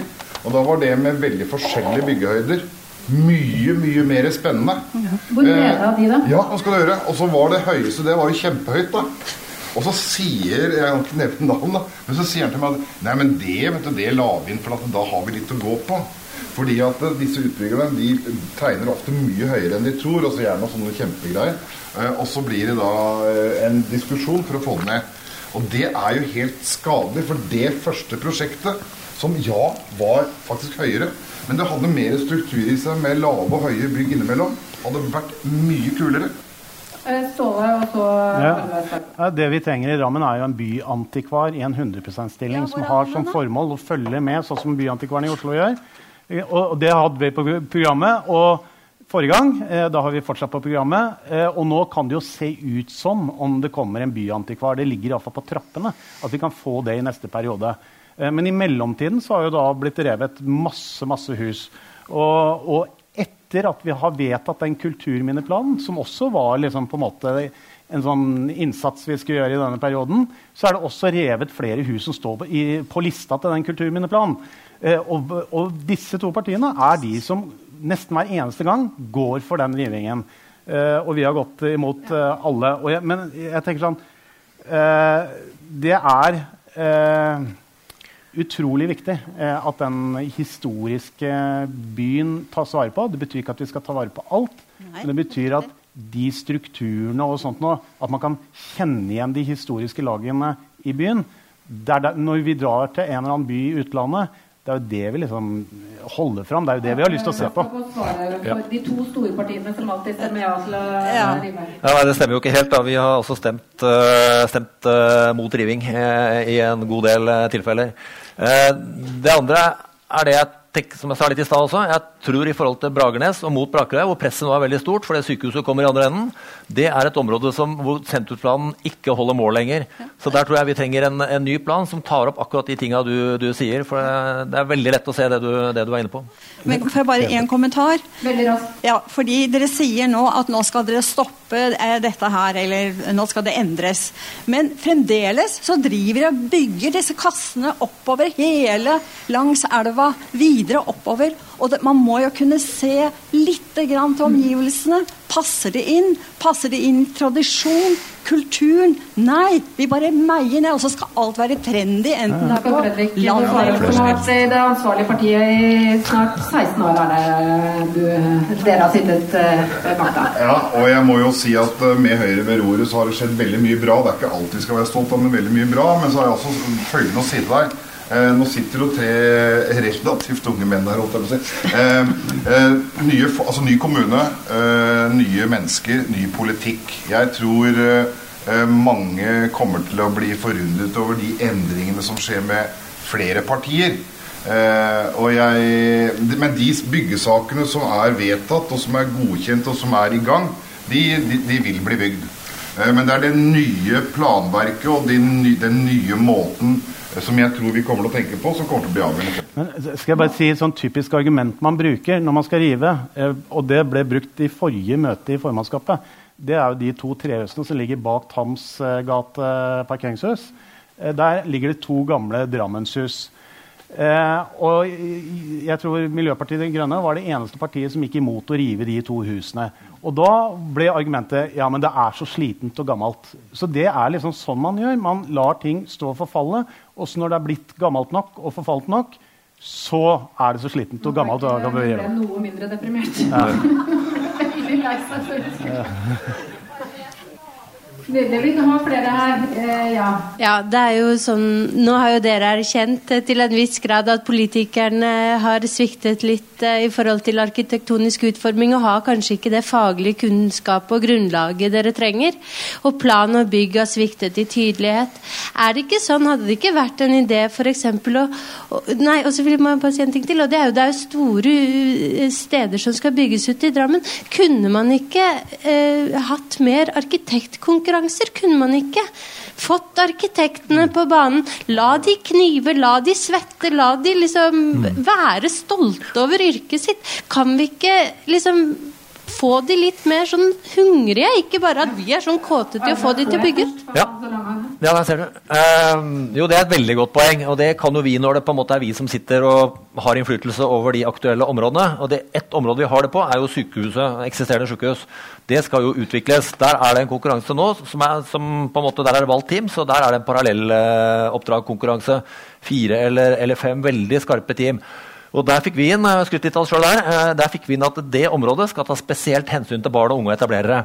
I sykehuset, Det lå ikke i den planen. Det fikk vi løfta inn i den konkurransen. Og det plangrunnlaget. Og det er et kjempeviktig område for å få inn en litt mer variert uh, aldersgruppe og, og befolkning i Drammen sentrum. Så det kan bli kjempespennende. Det som kriterier til også mindre prosjekter? Jo, men da må man jo eie Det er jo noe med det, da, hvem som eier og hvem som skal bygge. Men der er jo kommunen eh, på en måte hånda på rattet. Ja, nei, eh, altså det er jo veldig mange arkitektkonkurranser. Eh, men du er inne på det, de små prosjektene. Og igjen så kommer jo dette her med at noen skal betale regninga. Og jeg, eh, ja, jeg tror nok at, eh, at, vi skal være litt sånn bevisste på at noe er det greit å kjøre på, andre er det ikke det. Bare sånn til. Ja, nei, altså Vi må ikke eie for å drive en arkitektkonkurranse. Vi kan eh, ha et stort område. og det er det jeg mener med å lage områdeplaner, hvor vi rett og slett blir enige om hva slags kvaliteter vi skal ha hvor vi detaljerer ganske mye. Mm. Men ikke helt sånn i vinduer og dører og det detaljnivået. Men at vi definerer hva slags kvaliteter ting skal ha. Og da går det an å ha arkitektkonkurranse i forhold til hvordan skal dette området fortettes. Bare, og det kan være utgangspunkt for en kommunal regulering. Ja, ja absolutt. Bare følg opp det litt. For jeg, det er interessant, altså Arve. Um, mitt, da jeg satt i bystyret forrige, første gang, eh, på 99-2000, eh, da eh, hadde vi oppe det, Gullskogen vest, det området der sånn. Da foreslo, foreslo, vi den gangen at det måtte bli et sånn future-built-område à la Vestre Hamnen i Malmö eller, eller tilsvarende i Tromsø. sånn. Vi brukte sånne eksempler. Hadde egna seg veldig godt, men den gangen var ikke det moden i det hele tatt. Og det var nok eh, på en måte litt sånn, litt sånn, rådende politikk. så Det er klart, det er, det er, mulig å gjøre det. Vi er med i Futurebuilt eh, fortsatt. Det er egentlig et veldig interessant, eh, interessant eh, program som vi kan bygge mye på. Eh, nå er det litt sånn at I, i miljøet så er det sånn at det er i Oslo og Asker og Bærum det skjer noe. Drammen har stoppa litt opp. Så de ambisjonene er litt borte. og Det bør vi ikke, bør vi ikke ha på oss. Vi bør bruke det. Det bør vi virkelig eie. Bare å strekke seg litt lenger. Jeg skal bare ha en liten kommentar til det med å bruke arkitektkonkurranser. fordi det ser jeg er et veldig stort potensial i Drammen. Eh, av tolv saker, ja, saker, som ble lagt fram for formannskapet før jul på fremtidig utbygging i Drammen, så var seks av prosjektene tegnet av ett og samme arkitektkontor. Mm. Og det, også, altså, det sier noe om eh, hvordan ting gjøres i Drammen. Tydelig. Dere er flinke. De gir utbyggerne flinke det de vil ha. Flinke til å få sakene gjennom. Ikke sant? Mm. Ja. Og det, når du sier at det koster penger å arrangere arkitektkonkurranser, så vil jeg si at det er ofte arkitektene som tar en stor del av regningen for å delta i arkitektkonkurranser. Vi gjør det for veldig lave honorarer mot at vi kanskje får et prosjekt senere. Ja, litt det vi så kan der gjøre er det et kjempepotensial. FutureBuilt er jo en sånn type hvor kommunen kan gå inn og si at vi bruker ressurser inn i, inn i konkurranser. Da. Jo, det er for et stort område, ikke for én liten. Men, ja, ja. Ca. tre minutter til spørsmål. Hvem er det som har tegnet seg nå i salen? Jeg, har et konkret spørsmål. Jeg ble litt optimistisk uh, stemt da jeg hørte at disse områdereguleringene skal komme. Når? For jeg er veldig, veldig bekymret for det området mellom Prins Oskars gate til uh, Tinghuset og opp mot ja, det, det, gamle drehusområdet. Og jeg vet at det er veldig mye press i området, og jeg vet at noen hus der står til forfall. Hva skjer da? Det må dere nesten svare på. Ja, jeg, tror jeg vet hvilke hus du mener òg, faktisk. Eh, og det er, eh, I det området der så er det et kjempepress hele veien egentlig fra sykehuset og bort til sentrum. fordi at sykehuset er en magnet. Eh, og vi har enkelte sånne utbyggingsselskaper som har sett seg ut her og jobber bevisst med enkelteiere for å komme i posisjon. Der vil det være et stort ansvar som hviler på politikernes skuldre i forhold til utforming og hvordan dette skal bli. Og det, er, det var det jeg sa egentlig innledningsvis. Det var at det er noe av det første arbeidet som det nye kommunestyret kommer til å måtte ta stilling til. Altså dette er et planarbeid som skjer på administrativt nivå. Men, men, planarbeidet kommer til å være helt grunnleggende i den nye kommunen og for hele den nye kommunen. Men Fredrik Konning, du er ordførerkandidat og kommer til å sitte i det nye. Kan du love henne at det her ikke plutselig går under radaren, men kan vente på ny områdeplan? Vil det området som hun beskriver der, være et av de som man rett og slett venter med til man har en sånn bedre sentrumsplan eller en mer forpliktende områdeplan? Nei, det kan jeg ikke. Men altså, det kan jeg ikke gjøre. Uh, fordi det er ikke jeg som avgjør dette. Dette er jo et eh, det er jo Men du avgjør litt av tempo og presset på nei, men, nei, men hør da, nå har vi nettopp, uh, som Ståle var inne på, nå har, vi, nå, har vi, nå har vi en kulturminneplan. Og så har vi i tillegg vedtatt nå et regelverk knytta til hvordan vi skal utvikle eh, områder, altså villaområder, eh, der hvor man har steds, altså bebyggelse som har en karakter, hvor man ikke får lov til å gjøre hva man vil.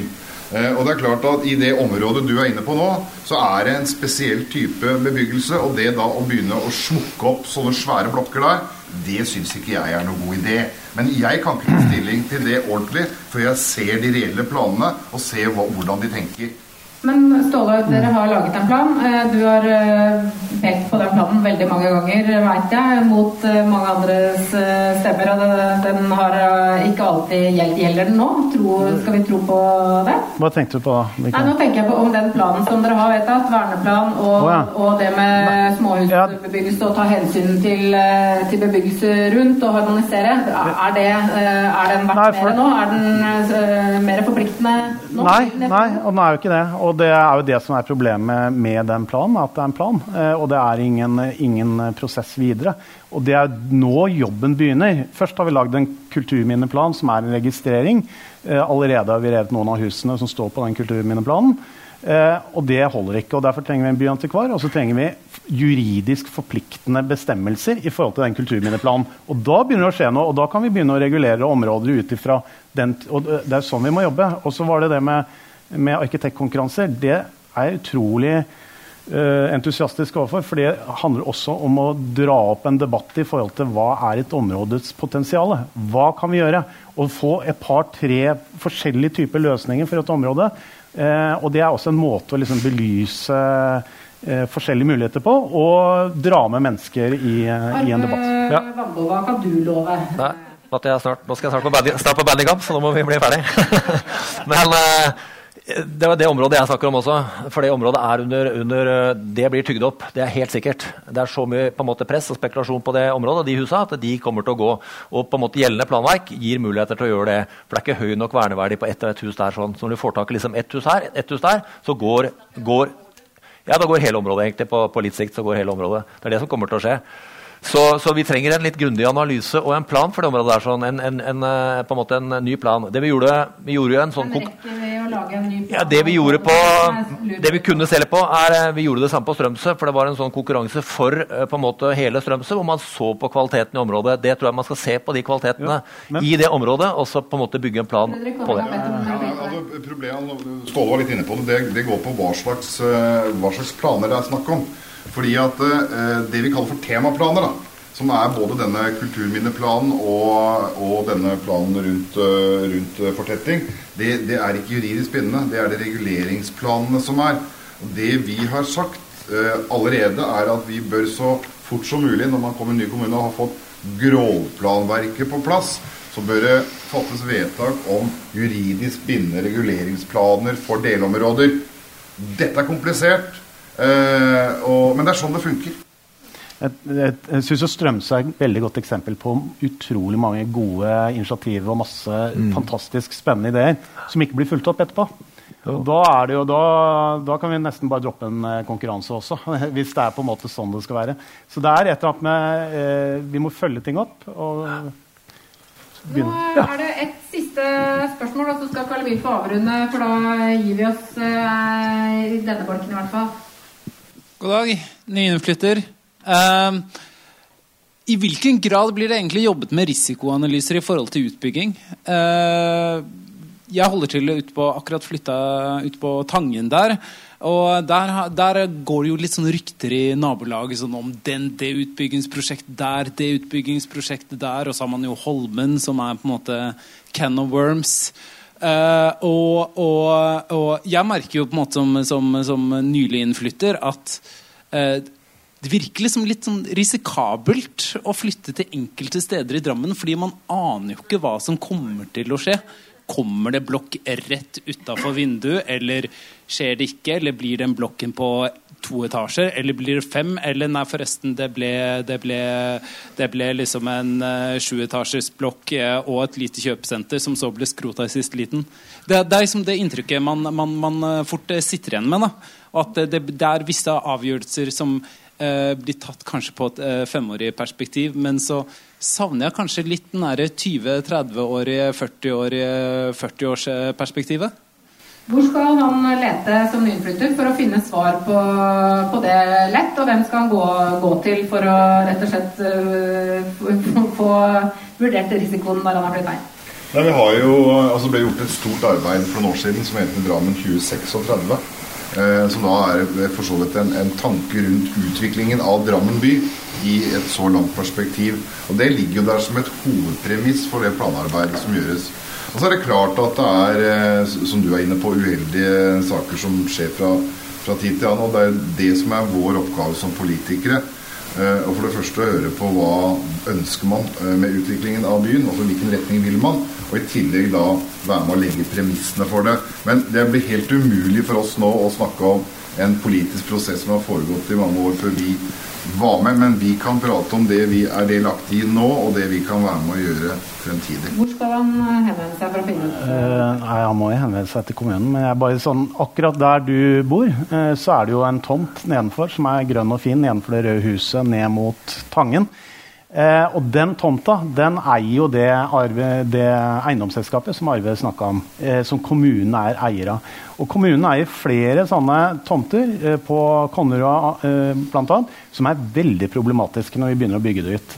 Og da kan du jo stille deg spørsmålet hva skjer når kommunen har et eiendomsselskap med formål som skal tjene penger, og kommunen er reguleringsmyndighet. Så eh, der, der, der Det siste vi får besvart, og det kan Arve svare på. for han... Nå er jo formålet til det selskapet flere ting enn å tjene penger. Det er faktisk å sikre, sikre, en sosial og bærekraftig byutvikling i Drammen. Det står faktisk som, eh, som formålsparagraf på selskapet. Så, så, det er superviktig. Uh, men, men, det er jo det som er paradokset. Det, er de, det er de lange og de korte planene. Masse ligger jo i veldig lange planer, men, men hvis de blir veldig lange og, og, du ikke får gjort noe, så skjer det jo ingenting. Men hvis du bare kjører korte reguleringer og disper, og sånne ting, så skjer det jo veldig mye, men kanskje ikke helt i tråd med en langsiktig utvikling. Så det er jo rett og slett det å finne balansen mellom kort og lang sikt, og det er, det er vanskelig.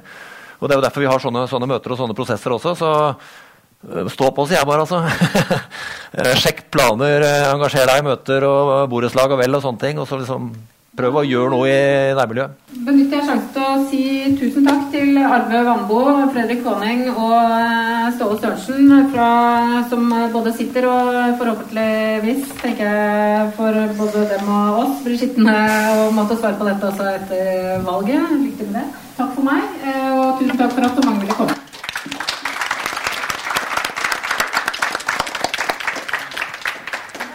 På vegne av arrangør så må jeg også få takke Katrine Strøm, som stilte opp og gjorde denne jobben. Og takk til biblioteket. Vel hjem. Og jeg tar i hvert fall med meg det at arkitektene bør engasjere seg mer, rett og slett.